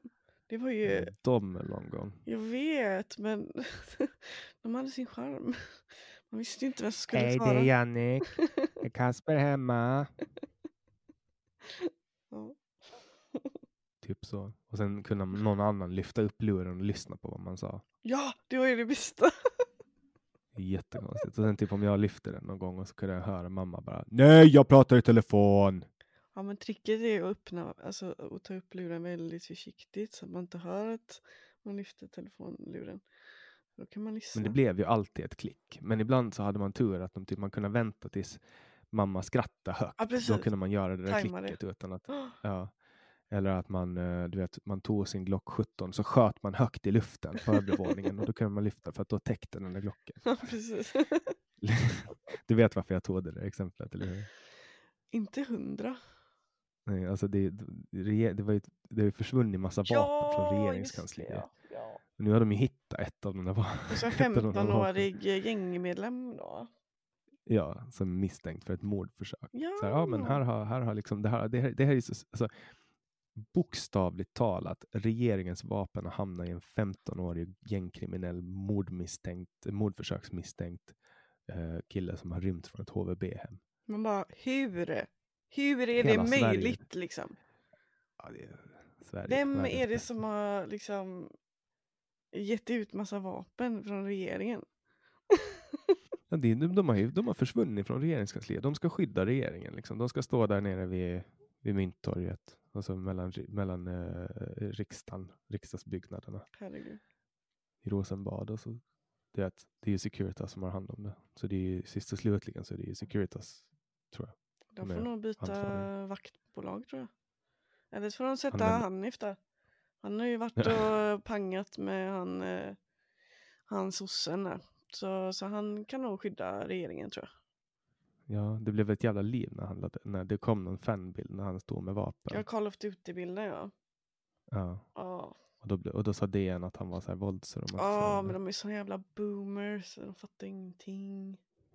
Jag måste få med Hanif Bali i den här podden, det ska vara roligt. Ja. Du kan nog... eh, Ja, vi ska prata om det sen. Ja, men jag, ska, jag, jag får hjälp. Alltså de flesta som jag vill ha tag på så får jag, får jag tag på. Mm. Det finns bara, det finns folk som jag, jag drömmer ju fortfarande om att ha med Carl Bildt. Det var liksom första namnet som, som jag kände att jag ville podda med. Sen är jag klar. Ja, men det hade ju Det- varit häftigt. Ja, det är fortsättningsvis min dröm. Jag hade med en av hans före detta rådgivare. Eh, och då frågade honom så här, men kan inte du snacka med Carl Bildt och så här, kolla om Mm. han vill vara med? Och så sa han så här, alltså jag har, jag har svårt att tro att, att uh, Bildt skulle ha två timmar liksom att ta från sitt schema. Oj, En upptagen man, men, synd. Han kanske ångrar sig. allt, allt. Ja, vi, får, ja, vi får se. Alltså, allt, jag, tror, jag tror att allt går, bara man forcerar det tillräckligt mycket. Ja, definitivt. Tycker det är tråkigt att liksom ge upp, men Gör inte det. Nej, det ska jag. Carl, Carl Bildt, jag vet att du hör det här. Jag vet att du lyssnar på min podd. Kom med nu, sluta vara så blygsam av dig. Vi vet att du vill vara med. Ja, vi vet. Kom igen nu brorsan. Det kommer att bli bra. Definitivt. Vem, vem skulle du vilja höra mig podden med då? Och, eh, ska vi se. Ehm. Åh. Jens Garnman hade varit kul. Det var länge sedan han var med i en podd. Ja, han har jag, jag har ringt och messat honom, men han är svår att få tag på. Ja. Men jag har hans nummer i alla fall. Men, men jag, jag, har, jag kan glida in via Mustafa Panshiri. Jag kan ringa honom och Ah. fråga om, Det kan om du kan tvinga in honom hit. Kan du fixa Jens eller? det är så en, enda gången någon ringer till Mustafa Panshiri för att få tag på Jens Garnman. Har du sett Jens? du vet han Jens? Han som vi skrev bok med. Hallå? Men eh, Mustafa svarar i telefonen. Jag har ringt honom vid något tillfälle och frågat om någonting. Mm. Och då är han alltid så här att han, han svarar i telefonen. Sen finns det de som aldrig svarar. Mhm. Typ jag tror jag har ringt Göran Greider 35-40 gånger. Han svarar en gång när jag ringde från ett svenskt nummer, men han svarar aldrig på finskt nummer. Ah, okej. Mm. Nu är det lite metasnack. Mm. För, för, du, för nu är ju du, nu är du egentligen, alltså det var ju så vi, vi träffades. Du lyssnade på min podd och så, skrev, och så började du skriva ett meddelande och så svarade jag och sen bjöd jag in dig. Liksom. Ja, precis. Så det lite metadiskussion måste man ju också ha. Ja. Ja, det är kul. Men du har ingen podd? Du har bara varit med i poddar? Ja, jag var med i eh, Lisa Hooker of the Year, hennes podd. Hon har en bloggpodd, kallar hon den. Mm. Det är det enda jag har gjort. Men eh, det var ju tänkt att jag skulle börja podda men ja, jag vet inte om jag har så himla mycket att prata om faktiskt. Jag, jag är inte så himla boksmart än. Alltså jag har väldigt mycket läsning att ta igen och ta mig förbi och eh, ja, jag, jag tror inte jag är mogen för den. Om det ska liksom vara intressant. Alltså det blir, det blir ju som, alltså det här är ju, det är ju ingen ansträngning för varken dig eller mig att ha det här samtalet. Mm. Det här är ju liksom, för mig så är det här, det här är ett samtalsformat. Nu skulle vi, vi skulle, det skulle låta exakt likadant om vi satt och drack kaffe nu. Ja, ja, men precis. Det är väldigt så bekvämt och fritt. Och det är det som är så skönt. Mm. Som, som typ, folk, ibland så får jag kritik. För folk säger, ja men du förbereder inte dina samtal. Mm. Nej, det är för att det är samtal. Ja. Hur ofta sätter man sig ner och förbereder samtal? Ja, man gör ju inte det. Men bara för att Nej, det är poddformat så tror folk att man ska göra det på ett annat sätt. Det gör ju också att avsnitten blir väldigt olika. Mm. Att eh, ibland det, det, liksom, det flyter på på helt olika sätt. Och jag lär mig ganska mycket av det. Men jag tycker att alla människor borde starta poddar för att du vet, för varje fri podd som startas så tas lite makt av Sveriges Radio och Sveriges Television. Ja, tänk så. Till sist kommer det inte att finnas någon efterfrågan. Eller det finns ju ingen, Nej, det finns ju ingen efterfrågan. men, men snart kommer man kanske inse att det, det loppet är kört. Såg du den här filmen som SVT gjorde? Vilken film var det nu då? där alla, där alla politiska influencers och politiker och eh, samhällsdebattörer fick sitta och sjunga. Ja, jag tyckte den, jag, jag skrev till Navid Modiri bara, är det en deepfake?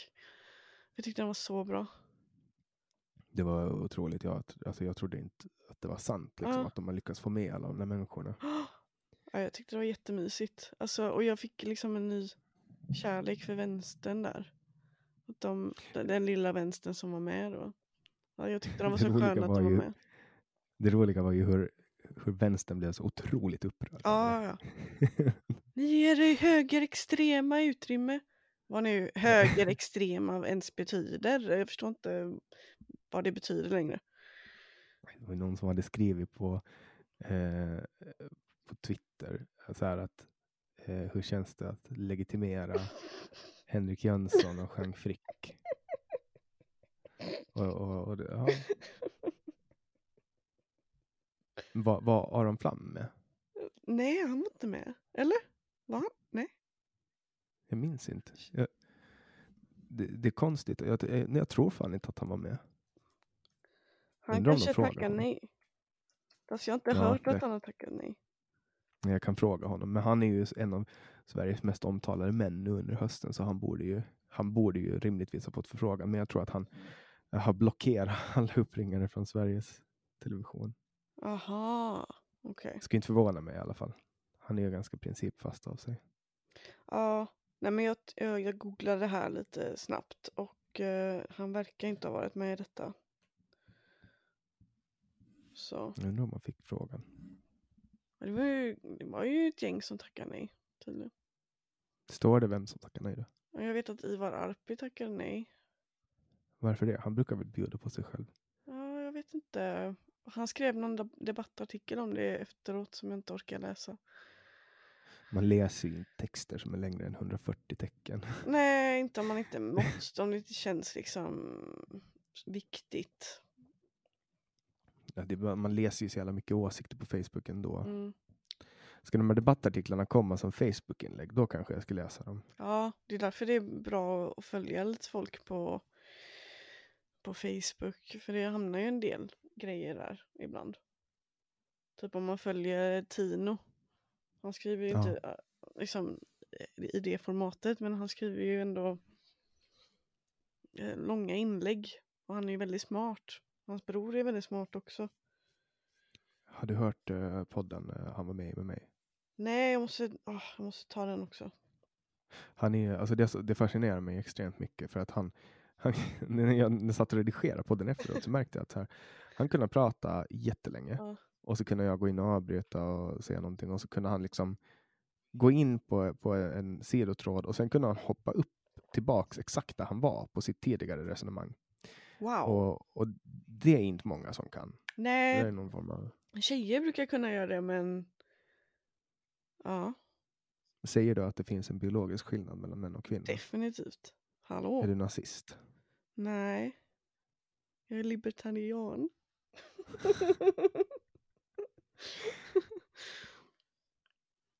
ja. Eh, Brukar du kolla på Henrik Jönsson? mm, ja, det var länge sedan nu. Jag, jag har fallit ur vanan att kolla.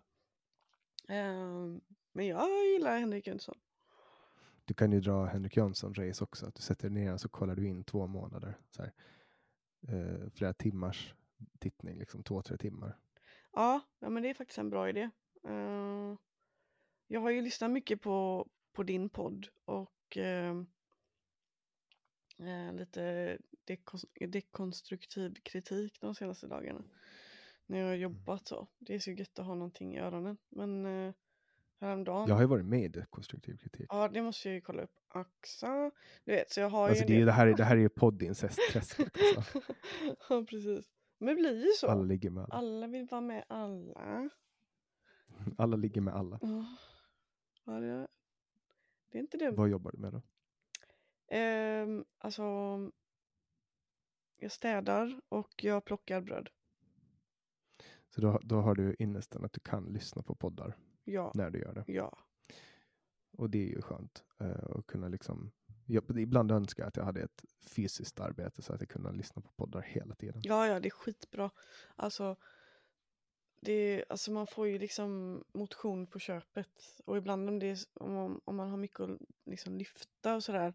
behöver inte vara tunga grejer men några kilon liksom hit och dit hela tiden. Det blir ju jättebra för kroppen. Ja, alltså. Det, det är någonting jag kan, kan säga. Jag önskar att jag, att jag hade mer tid. Jag, jag spelar ibland mina poddar Mm. på typ eh, 1,75, 1,50 liksom snabbare för att få det att Och då blir det Ah. konstigt sen när man lyssnar, när man hör människor på riktigt. Typ. typ. Så var det när jag lyssnade, jag lyssnade jättemycket på, på Aron Flam eh, före jag träffade honom första gången. Och då, när jag, och då lyssnar jag alltid på, jag tror det var så här 1,75 eller 1,50 Ja. eh, hastighet. Och så när jag träffar honom på riktigt, då är hans röst mycket mörkare såklart. Ehm, och så, så pratar han så jävla långsamt och det kändes som att han hade något fel. Du bara, mår du bra? Exakt, då, så jag, vad fan håller han på med? Så han brukar prata så här som att han pratar. Men det. En del går det på, en del går det inte. Men monologer går i allmänhet ganska lätt att lyssna på i snabbare hastighet. Hjärnan anpassar sig. ja, den gör det. Mm. Nu råkar jag gäspa för att Jag är så trött, men jag fick eh, kritik. Alltså, jag har sagt det här i en, en annan podd. Alltså, jag, jag, jag poddar så många timmar per vecka så att jag vet inte. När jag refererar till vilken podd så säger jag bara jag har sagt det här i någon podd. så jag Någon vet podd. inte. Ja, alltså, de som lyssnar på alla mina poddar kan kanske, kan, kan kanske veta, men jag har sagt det i någon podd att jag fick kritik för att jag gäspade Mhm. i ett avsnitt. Det var en som skrev på Twitter så här.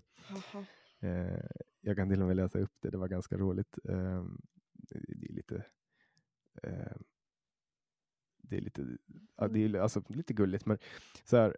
Hej Jannik, har börjat lyssna i kapp på din podd. Jag gillar den. Jag tycker det är skitbra. Bra nivå på dig själv och mycket fokus på gästen. Men fan, lyssnar i detta ögonblick på avsnittet med Maria Holen. Du har hittills gäspat två gånger, Ja, alltså riktigt godnattgäspat. Bara en liten observation.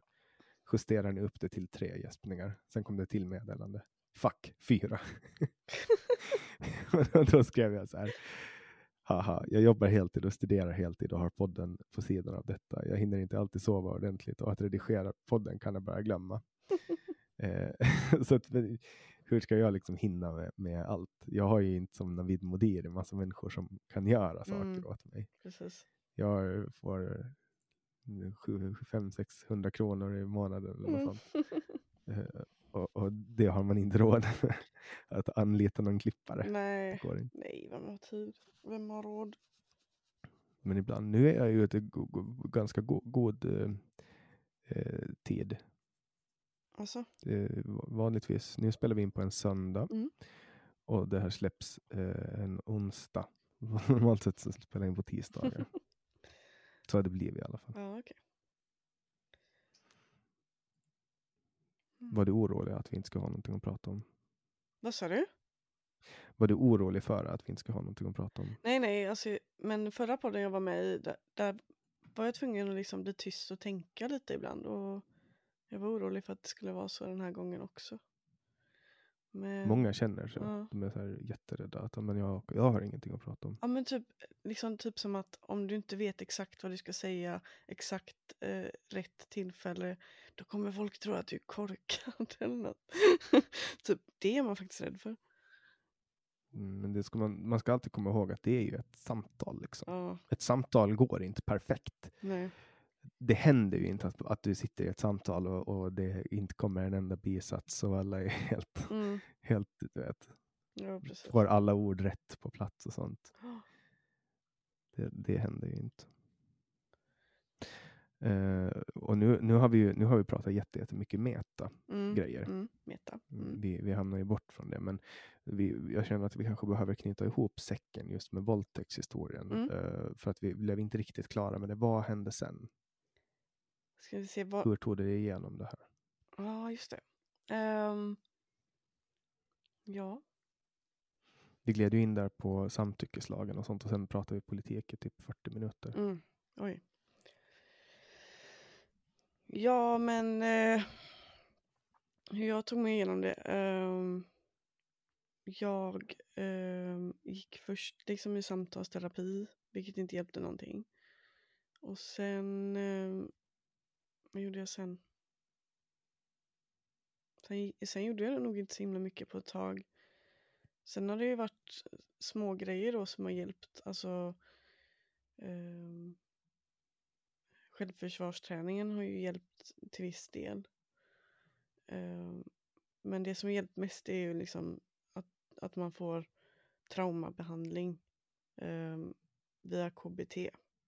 Det är liksom det bästa behandlingen Var det fysiska möten eller var det online? fysiskt. Hur många gånger fick du gå? Jag gick inte så många gånger egentligen.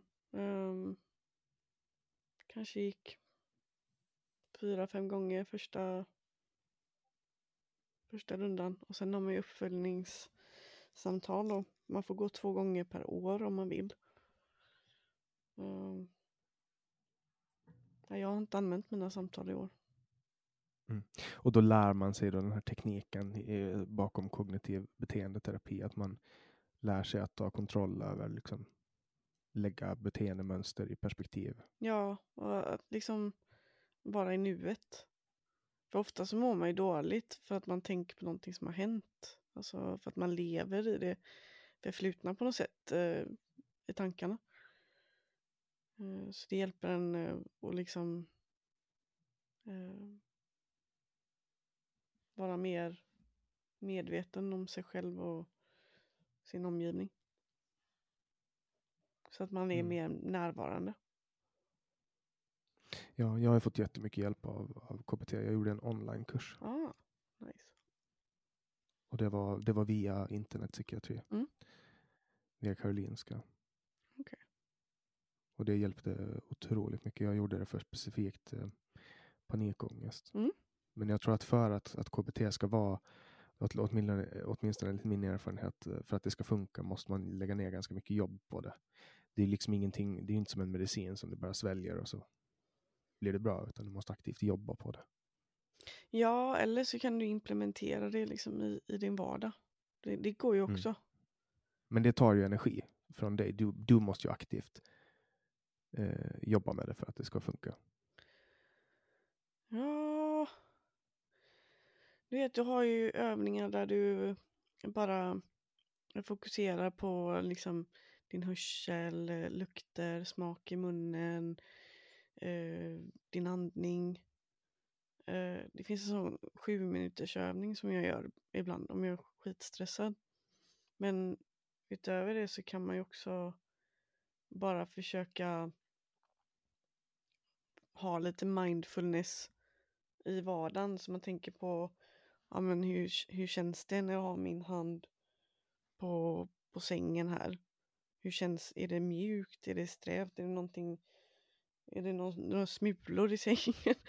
liksom, alltså du vet sådana grejer. För Mm. då, då övar man ju på att vara närvarande. Liksom. Ja.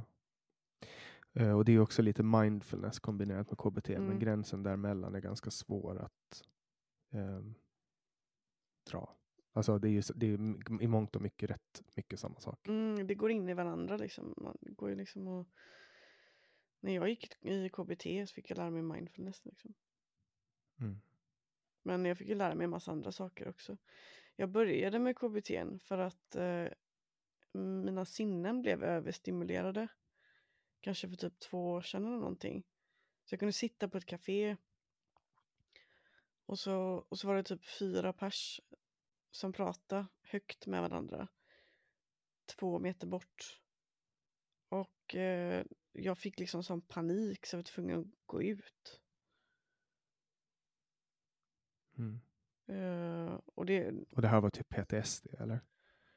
Nej, ja, ja, det var det. Det var det. Jag har ju inte det längre. du, och, det, och det är med KBT som du har liksom Mm. övervunnit det, eller vad säger man? Tagit dig igenom det. Ja, alltså det hjälper ju att skriva och sånt också men, men jag hade nog inte kunnat skriva utan KBT så det blir ändå KBT som, som är liksom det som har gjort att man har tagit sig vidare. Ja, Mm. Ja, för mig, för mig hjälpte KBT jättemycket för just specifikt eh, panikångest. Mm. Jag kunde liksom ta kontroll över mina panikattacker eh, på ett sätt som, som gjorde att jag kunde leva normalt. Alltså man kan liksom inte leva normalt när man får panikångestattacker titt som tätt. ja, jag förstår. Men det här ökar min livskvalitet jättemycket. Mm. Ja, jag förstår det. det är... Jag har haft lite erfarenhet av typ sådana panikångestattacker. Eh, och det, jag menar tiden stannar ju. Det, och man sitter ju fast i det. Och det är bara att vänta ut det liksom. Ja, det är fullkomligt vedrigt. Det stör ju verkligen livet. Mm. Mm. Ja, det är, alltså det är också så här när man tror att man håller på att dö. Man blir ju trött i flera dagar efter att man har haft en sån attack. Ja. Ja, Så det, är det någonting annat som du känner att du brinner extra mycket för som vi inte har pratat om? Nej, alltså vi har ju pratat om politik, eh, våldtäkt eh, och eh, ja. Jag kan inte direkt komma på någonting. Jag, jag sitter här liksom och bara försöker vara duktig. typ. Känner du att det är en prestation att samtala? Igen, Eller är det bara för att du vet att människor kommer att lyssna på det? Ja, men jag känner nog en, en viss eh, prestationsångest. Eh, alltså, fast ändå inte ångest då. Men, men just för att människor ska lyssna på det och just för att det är din po- podd och eh, liksom för att jag hoppas att det ska vara bra. Så att inte, så att inte reppar är dåligt. Alltså grej, grejen med, alltså ett, ett samtal kan inte vara dåligt. För att ett samtal är ett samtal. ja, Och, och det är lite det som är formatet. Alltså, du vet, eh, ett, ett samtal kommer aldrig att låta, alltså om du och jag skulle träffas i en helt annan setting, då skulle vårt samtal vara helt annorlunda. Det, samtalet är det som sker när två människor möts och håller dialog Mm. utan någon form av prestationskrav egentligen. Och sen, det är klart att man känner sig lite, alltså en del blir jättenervösa när de ska vara med i poddar. Så var det speciellt när jag spelade in på Åland och för många var det första gången någonsin som de satt med en mikrofon framför sig. Ja. Och, och då kunde folk bli så nervösa att de skakade och visste inte vad de skulle säga. Mm. Men, men det tror jag också kanske har, kanske har att göra med hur jag, för jag var ju också nervös i början Mm. när jag skulle spela in. Ja men det studsar ju och smittar liksom. Ja. Nervositet. Eller mänskliga känslor överhuvudtaget smittar ju. Sinsemellan. Ja, alltså jag, jag har inte så lätt att få panik, men när jag får panik det är när andra människor får panik. Mm. Jag var på väg hem från Paris en gång eh, och så ska vi, var vi på inflygningen till Arlanda. Mm. Och så hände någonting i luften. Alltså att, eh, ibland kommer det som någon så här jag vet inte vad det var som hände, jag fick ett svar från SAS, men helt plötsligt föll flygplanet rakt neråt. Åh, alltså vi föll, vi tappade massa, massa luft, Mm. eller en massa höjd snabbt. Och så, så re- skrek det i motorerna. Mm. Så här, det blev jättekonstigt och så skakade och så krängde flygplanet. Och jag blev jätterädd, så här, sitter och håller i Mm. eh, handtagen och bara försöker andas. Så här. Och så hör jag hur någon börjar skrika längst fram i flygplanet i panik. Mm. Och då kände jag ändå så här, okej, det är ingen fara, det är ingen fara, det är ingen fara. Och så tittar jag till höger och då ser jag min stolsgranne Ja. och paniken i hans ögon. Och, då, och, då, och då, då fick jag panik. Och så sa jag, kommer vi att dö nu? Ja. Och så sa han, jag tror det. Fan. Och då kom paniken. Liksom. Men det var först när jag hade liksom sett i hans ögon. För jag tittade på honom och bara bekräfta, är han lika rädd som mig? Mm. Ska han ha suttit lugn där då, då ska jag också ha varit lugn. Ja, men precis. Och sen mejlade jag till SAS och frågade så här, vad var det som hände? Ja. Så här, för alla bara låtsades som ingenting sen. Oj. För det var ju ändå svenskar på det här planet och du vet ju svenskar ska ju inte, man kan ju inte prata om det som har hänt nu. Liksom. Och du vet, flyg, flygvärdinnorna eller värdarna eller vad, vad det heter, de, de var helt normala och så. Och så mejlade jag till SAS och frågade så här, vad, vad var det som hände?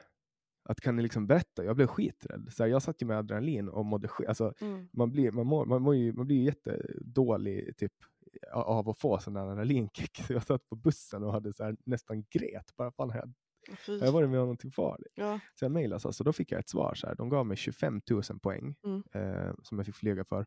Och så sa de att ja, det som hände var att det var väderfenomen. Det var, det var aldrig någon fara för någon. Mm. Men det kan upplevas obehagligt. Men det var, liksom, det var vä- väderfenomen. Eh, så jag antar att det var något att göra med någon luftgrop. Eller, ja, just det. Så heter det. Det var det jag tänkte ja, på. luftgrop. Eller, jag, vet inte om det heter. Alltså, jag vet inte vad. Jag, det, det var något fenomen. Det var ett om fenomen. Så. Ja. Ja, det som hände var ett, eh, det var ett fenomen. eh, Och eh, ja, nej men nu. Vilken radioröst du fick. Det var ett fenomen. Jag har det i min andra podd. Där har Anders Hesselbom har tvingat mig att ha en radioröst där. Aha. Så när jag ska presentera podden då får jag prata så här. Som i en radio. Som Nile City 105,6 stycken Lionel Richie-biljetter. Ja men det är snyggt. Eh, så det, men jag, jag, jag, kan inte, jag kan själv inte känna den radiorösten. Men jag pratade med någon häromdagen om just det här med poddar. Att många tycker att det är så konstigt att höra sig själva. Mm. Men det vänjer man sig med såklart. Ja, det är som den låten. Man vänjer sig. En låt som heter så. Ja. eller? Har du inte hört den? Nej. Oj, oj, oj. Handlar det om att vänja sig med sin egen röst? Nej, det är vänja sig vid sin tråkiga vardag. Jaha. Jag vill inte ha en tråkig vardag. ja. Ja, men just personen i låten har en tråkig, tråkig vardag. Men, men han säger men man vänjer sig. Ja, nej, jag, jag har inte hört den. Mm. Jag lyssnar på gammal gubbrock. Ja, okej. Ja, men jag är lite allätare så, så. Men den har varit på reklamen, alltså om du har en tv så. Jaha, nej jag har ingen tv. Nej, okej, okej. jag kollar inte på tv. Jag kollar inte på tv och jag kollar inte på serier. Jag läser böcker och lyssnar på poddar. Ja, men det är sånt smarta människor gör. Ja, du vet. Jag måste ju lägga om mina vanor. Ja, men det, det, kommer, alltså det kommer en tid när man gör det. Det, det gäller att nå en botten. Mm. Jag, jag hade ju massa år som jag inte, så- alltså som jag inte kände att jag gick framåt överhuvudtaget. Sen bestämde jag mig för att läsa 100 böcker per år. Mm. För att jag läste så här, jag läste massa självhjälpsböcker under en period. Mm. Och då var det så här, man ska fokusera på sina mål och man ska fokusera på så här, sikta mot stjärnorna så når du trädtoppen och så vidare. Och då läste jag eh, att man ska sätta upp ett eh, mål. Man, man ska sätta målet dit man vill och sen ska man dubbla det. Och då kanske man kommer halva vägen. Ah. Eh, och, och så läste jag att Bill Gates läser 50 böcker per år. Och då tänkte jag, okej, men då, då sätter jag som mål att jag ska läsa 100 böcker per år. Ja. Att då når jag 50. Och sen när året hade gått så hade jag läst exakt 101 böcker. Oj. Så då, då tog jag 100 på det året och så började jag tänka tillbaka att men det här var inte ens jobbigt. Mm. Eh, och nu har jag fortsatt, så nu har jag läst, de senaste tre åren har jag läst över 300 böcker. Ja. Jag tror jag har läst kanske fem. Men det är, en, sån- det är också en sån vanlig grej, det är som att gå till gymmet. Du vet. Ja, precis. Man måste bara liksom börja och komma in i det och hålla efter på något sätt. Ja, och komma ihåg varför man börjar Ja, precis. och hålla hjärnan i skick. Jag, jag tror inte att det skulle gå att, att upprätthålla det här om jag höll på att supa skallen av mig på helgerna och sånt. Nej. Levde dålighetsliv. Jag menar, alltså jag, lyssnar, alltså jag, jag läser inte så mycket böcker men jag lyssnar ju på väldigt mycket poddar och typ jag lyssnar väldigt mycket på typ Jordan B. Petersons föreläsningar han har på Youtube. Så Då kan du ju lyssna på ljudböcker. ja, det kan jag ju faktiskt göra. Jag, jag, jag lyssnade faktiskt på eh, Gulag Arkipelagen på ljud, ljudbok. Den nya versionen som eh, Jordan B. Peterson har gjort förordet till. Mm. För den är tre böcker egentligen men de, de lyckades få det till en. Det var ju typ ja, det var 20 timmar åtminstone. Ja, men det, är, alltså, det funkar utmärkt för många att, att lyssna på ljudböcker.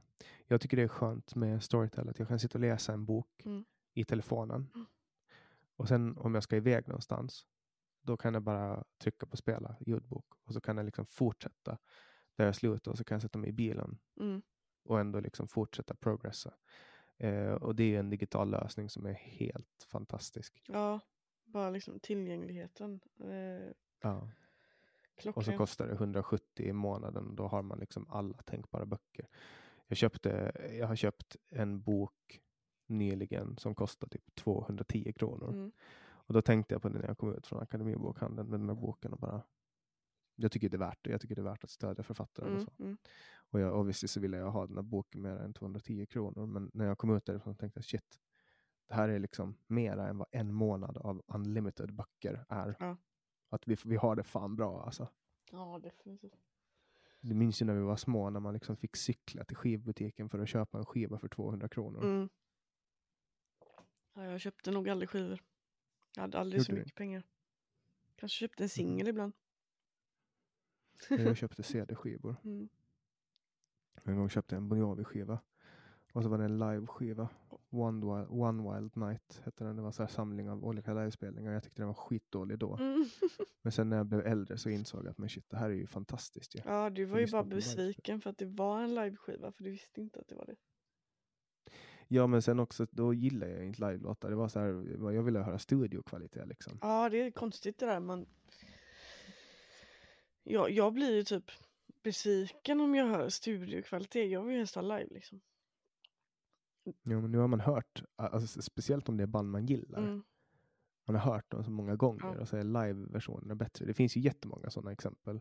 Jag vet inte om du lyssnar mycket på Pink Floyd, men de gjorde ett album eh, på 80-talet som heter Momentary Lapse of Reason. Mhm. Och ehm, det, det var inte superbra. De gjorde det digitalt och du vet Pink Floyd hade klassiskt sett så var det alltid analogt och de fick krispigt och fint ljud. Men här var ljudet kallt och kalt Mm. och tråkigt. Men sen gjorde de en liveinspelning, eller Ah. flera liveinspelningar på en skiva som, som heter Delicate Sound of Thunder. Och när låtarna kom där så var de så jävla mycket bättre. Ja, ja, ja. Mm. Ja, men ljud spelar roll alltså. Väldigt stor roll. Mm. Men jag tycker att du har en jättebra mikrofon som du spelar in. Ja, men det är tur det. Alltså den, den funkar inte speciellt bra sist. Kändes det som. Du kanske glömde koppla i den. Ja, nej, det gjorde jag inte. Men jag tror, jag tror så här att eh, den tog eh, micken som satt i eh, hörlurarna istället. Ja, Mm. det, var det, jag, det var det jag Ja, menade. du menar så? Alltså att du glömde liksom a- aktivera den på inställningar. Ja, men jag, alltså jag försökte ju och det verkade ju som att det var den som funkade. Men ja, jag vet inte. Därför man ska slå så här. Eller blåsa. Ja, Då vet man att... Och, då vet man. ja, men nu när jag testade den på den här datorn så såg jag att eh, eh, när jag försökte prata i headset-mikrofonen så då rörde ju sig inte den här mätaren. Men däremot så gjorde den det på den, på den riktiga mikrofonen. Mm. Så Ja, men nu, sku, nu, nu tror jag till och med det kanske inte skulle... Alltså den är, jag upplever att ljudet är så bra att eh, folk skulle inte märka att det var digitalt inspelat om, om, de, inte hör, om de inte visste det. Mm. Men nu har du sagt det så att... eh, nej, jag ska... I början var jag jätteresistent mot det här och bara nej. Jag fick ju till och med corona när jag envisades med att åka runt och träffa människor i våras. Är det sant? Ja, Ja. jag fick corona av Alexandra Hedborg. Mhm. Så om du hör, här, hör, hör det här Alexandra, tack för att jag fick corona av dig. Schysst. Men jag fick ju, jo, men jag fick ju antikroppar, så nu har jag glidit förbi. Du vet. Ja. Det är massa kompisar som har haft corona här och jag har bara kunnat chilla runt och bara antikroppar här, tjena, antikroppar här. Har du AK eller? jag har också antikroppar faktiskt. Eh, Hur var din coronaupplevelse då? Eh, fantastisk. Eh, nej men jag, jag hade feber, jag hade feberfrossa, muskelvärk, eh, lite hosta, alltså torr och sen typ slemhosta. Eh, hade svårt att koncentrera mig, typ blev rätt eh, yr och så. Ibland kunde jag vara, för jag satt och spelade en del typ eh, Counter-Strike liksom. Bara för att göra någonting annat än att bara ligga på en madrass i vardagsrummet. Men ibland gick inte ens det. För man satte sig där och så tittar man på skärmen och så bara, nej jag mår inte bra. Blir illamående en hel del. Min upplevelse var helt annorlunda. Alltså, berätta. Jag vaknade och så hade jag jättemycket huvudvärk. Mm. Och så somnade jag om. Och när jag vaknade så var det ännu värre. Mm. Och då tog jag värktabletter och, och drack och gick och somnade om och sov några timmar till. Och sen när jag vaknade då måste hunden ut liksom. Då hade jag sovit in på eftermiddagen. Mm. Eh, och då kunde jag inte, jag kunde inte gå ut med henne. Alltså jag, jag kom inte upp eh, ur sängen. Oj. Så då, då fick jag ringa grannen som eh, kom och öppnade dörren och tog ut henne. Liksom. Mm. Eh, och så var det första dagen och andra dagen. Och sen tredje dagen var jag på fötter igen. Ja, okej. Men inga luftvägssymptom. Bara feber. Mm. Riktigt hög feber och huvudvärk så in i helvete. Ja, jag hade också lite huvudvärk. Men mer så en konstig känsla över hela hjärn, hjärnan liksom. Jag känner mig konstig. Det kanske var regeringen som spred ut corona i dricksvattnet för att ta över våra hjärnor och nu är vi robotar. Ja, jag har mina misstankar att det kan vara så. Det finns ju folk som är jätterädda för vacciner nu. Ja, ja. Det, men det är så himla mycket propaganda på nätet. Folk... Men vi som har antikroppar, vi kommer väl inte behöva ta det eller? Nej, först om typ sex månader eller... Man ska, ju, man ska ha antikroppar i sex månader säger de. Sen kan man bli sjuk igen. Men man blir inte lika sjuk andra gången. Så, Mm. jag menar, okej, säg att man får koronski igen liksom.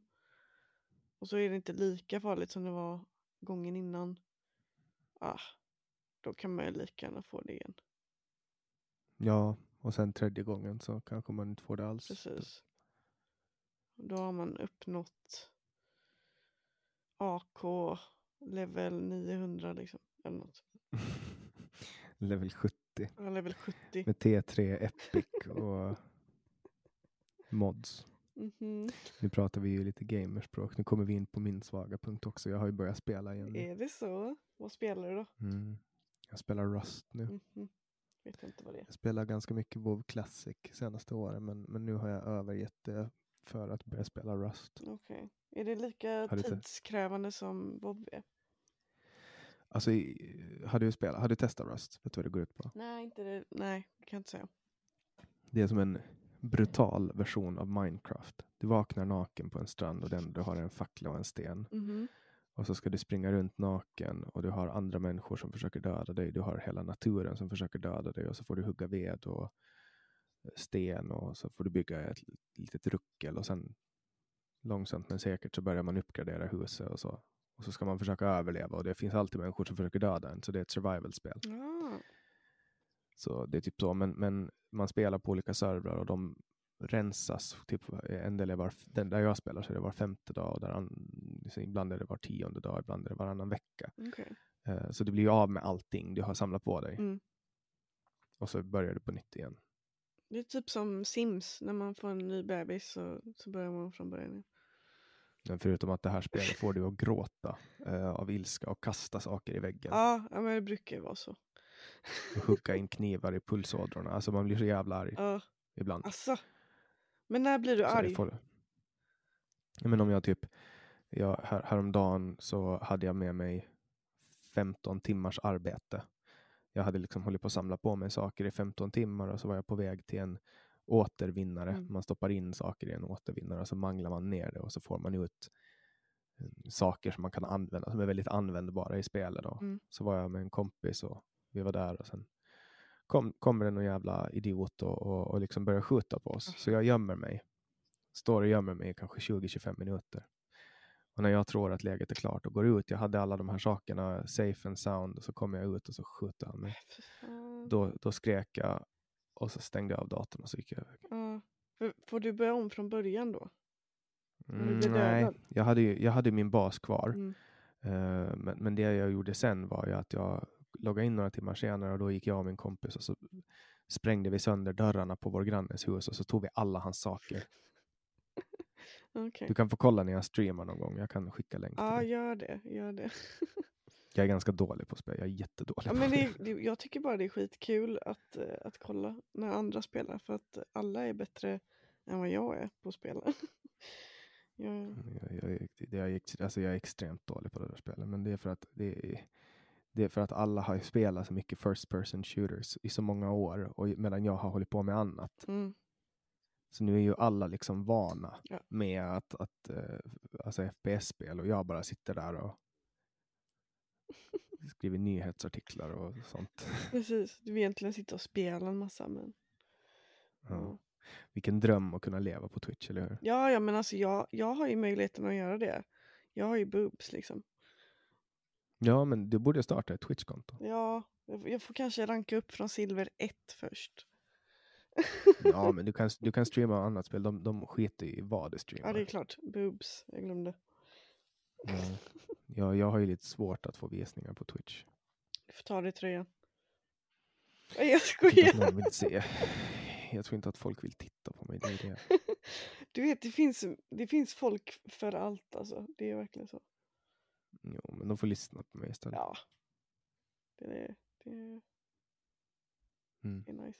Och nu har vi närmat oss slutet. För de som är mer nyfikna, var hittar de eh, dina olika länksamlingar? Jag har ett äh, länkträ. eh, ni hittar det i, på min eh, Twitter-profil. Så där finns alla mina länkar. Och om man söker brains and boobs, alltså det är alltså ett och-tecken där. Mm. Eh, men man kan också söka på ditt Twitternamn som är att OF Patricia ZZZS. Ja. Du gör det ju inte lätt för dig. Nej. Jag vet. Men, eh, men så kan det vara. Ibland. Ja, det, är, det är lite svårt att eh, så här. ja, i alla fall. Att OF Patricia med C, S, Z, Z, Z, S. Mm. Tusen tack Patricia. Tack själv.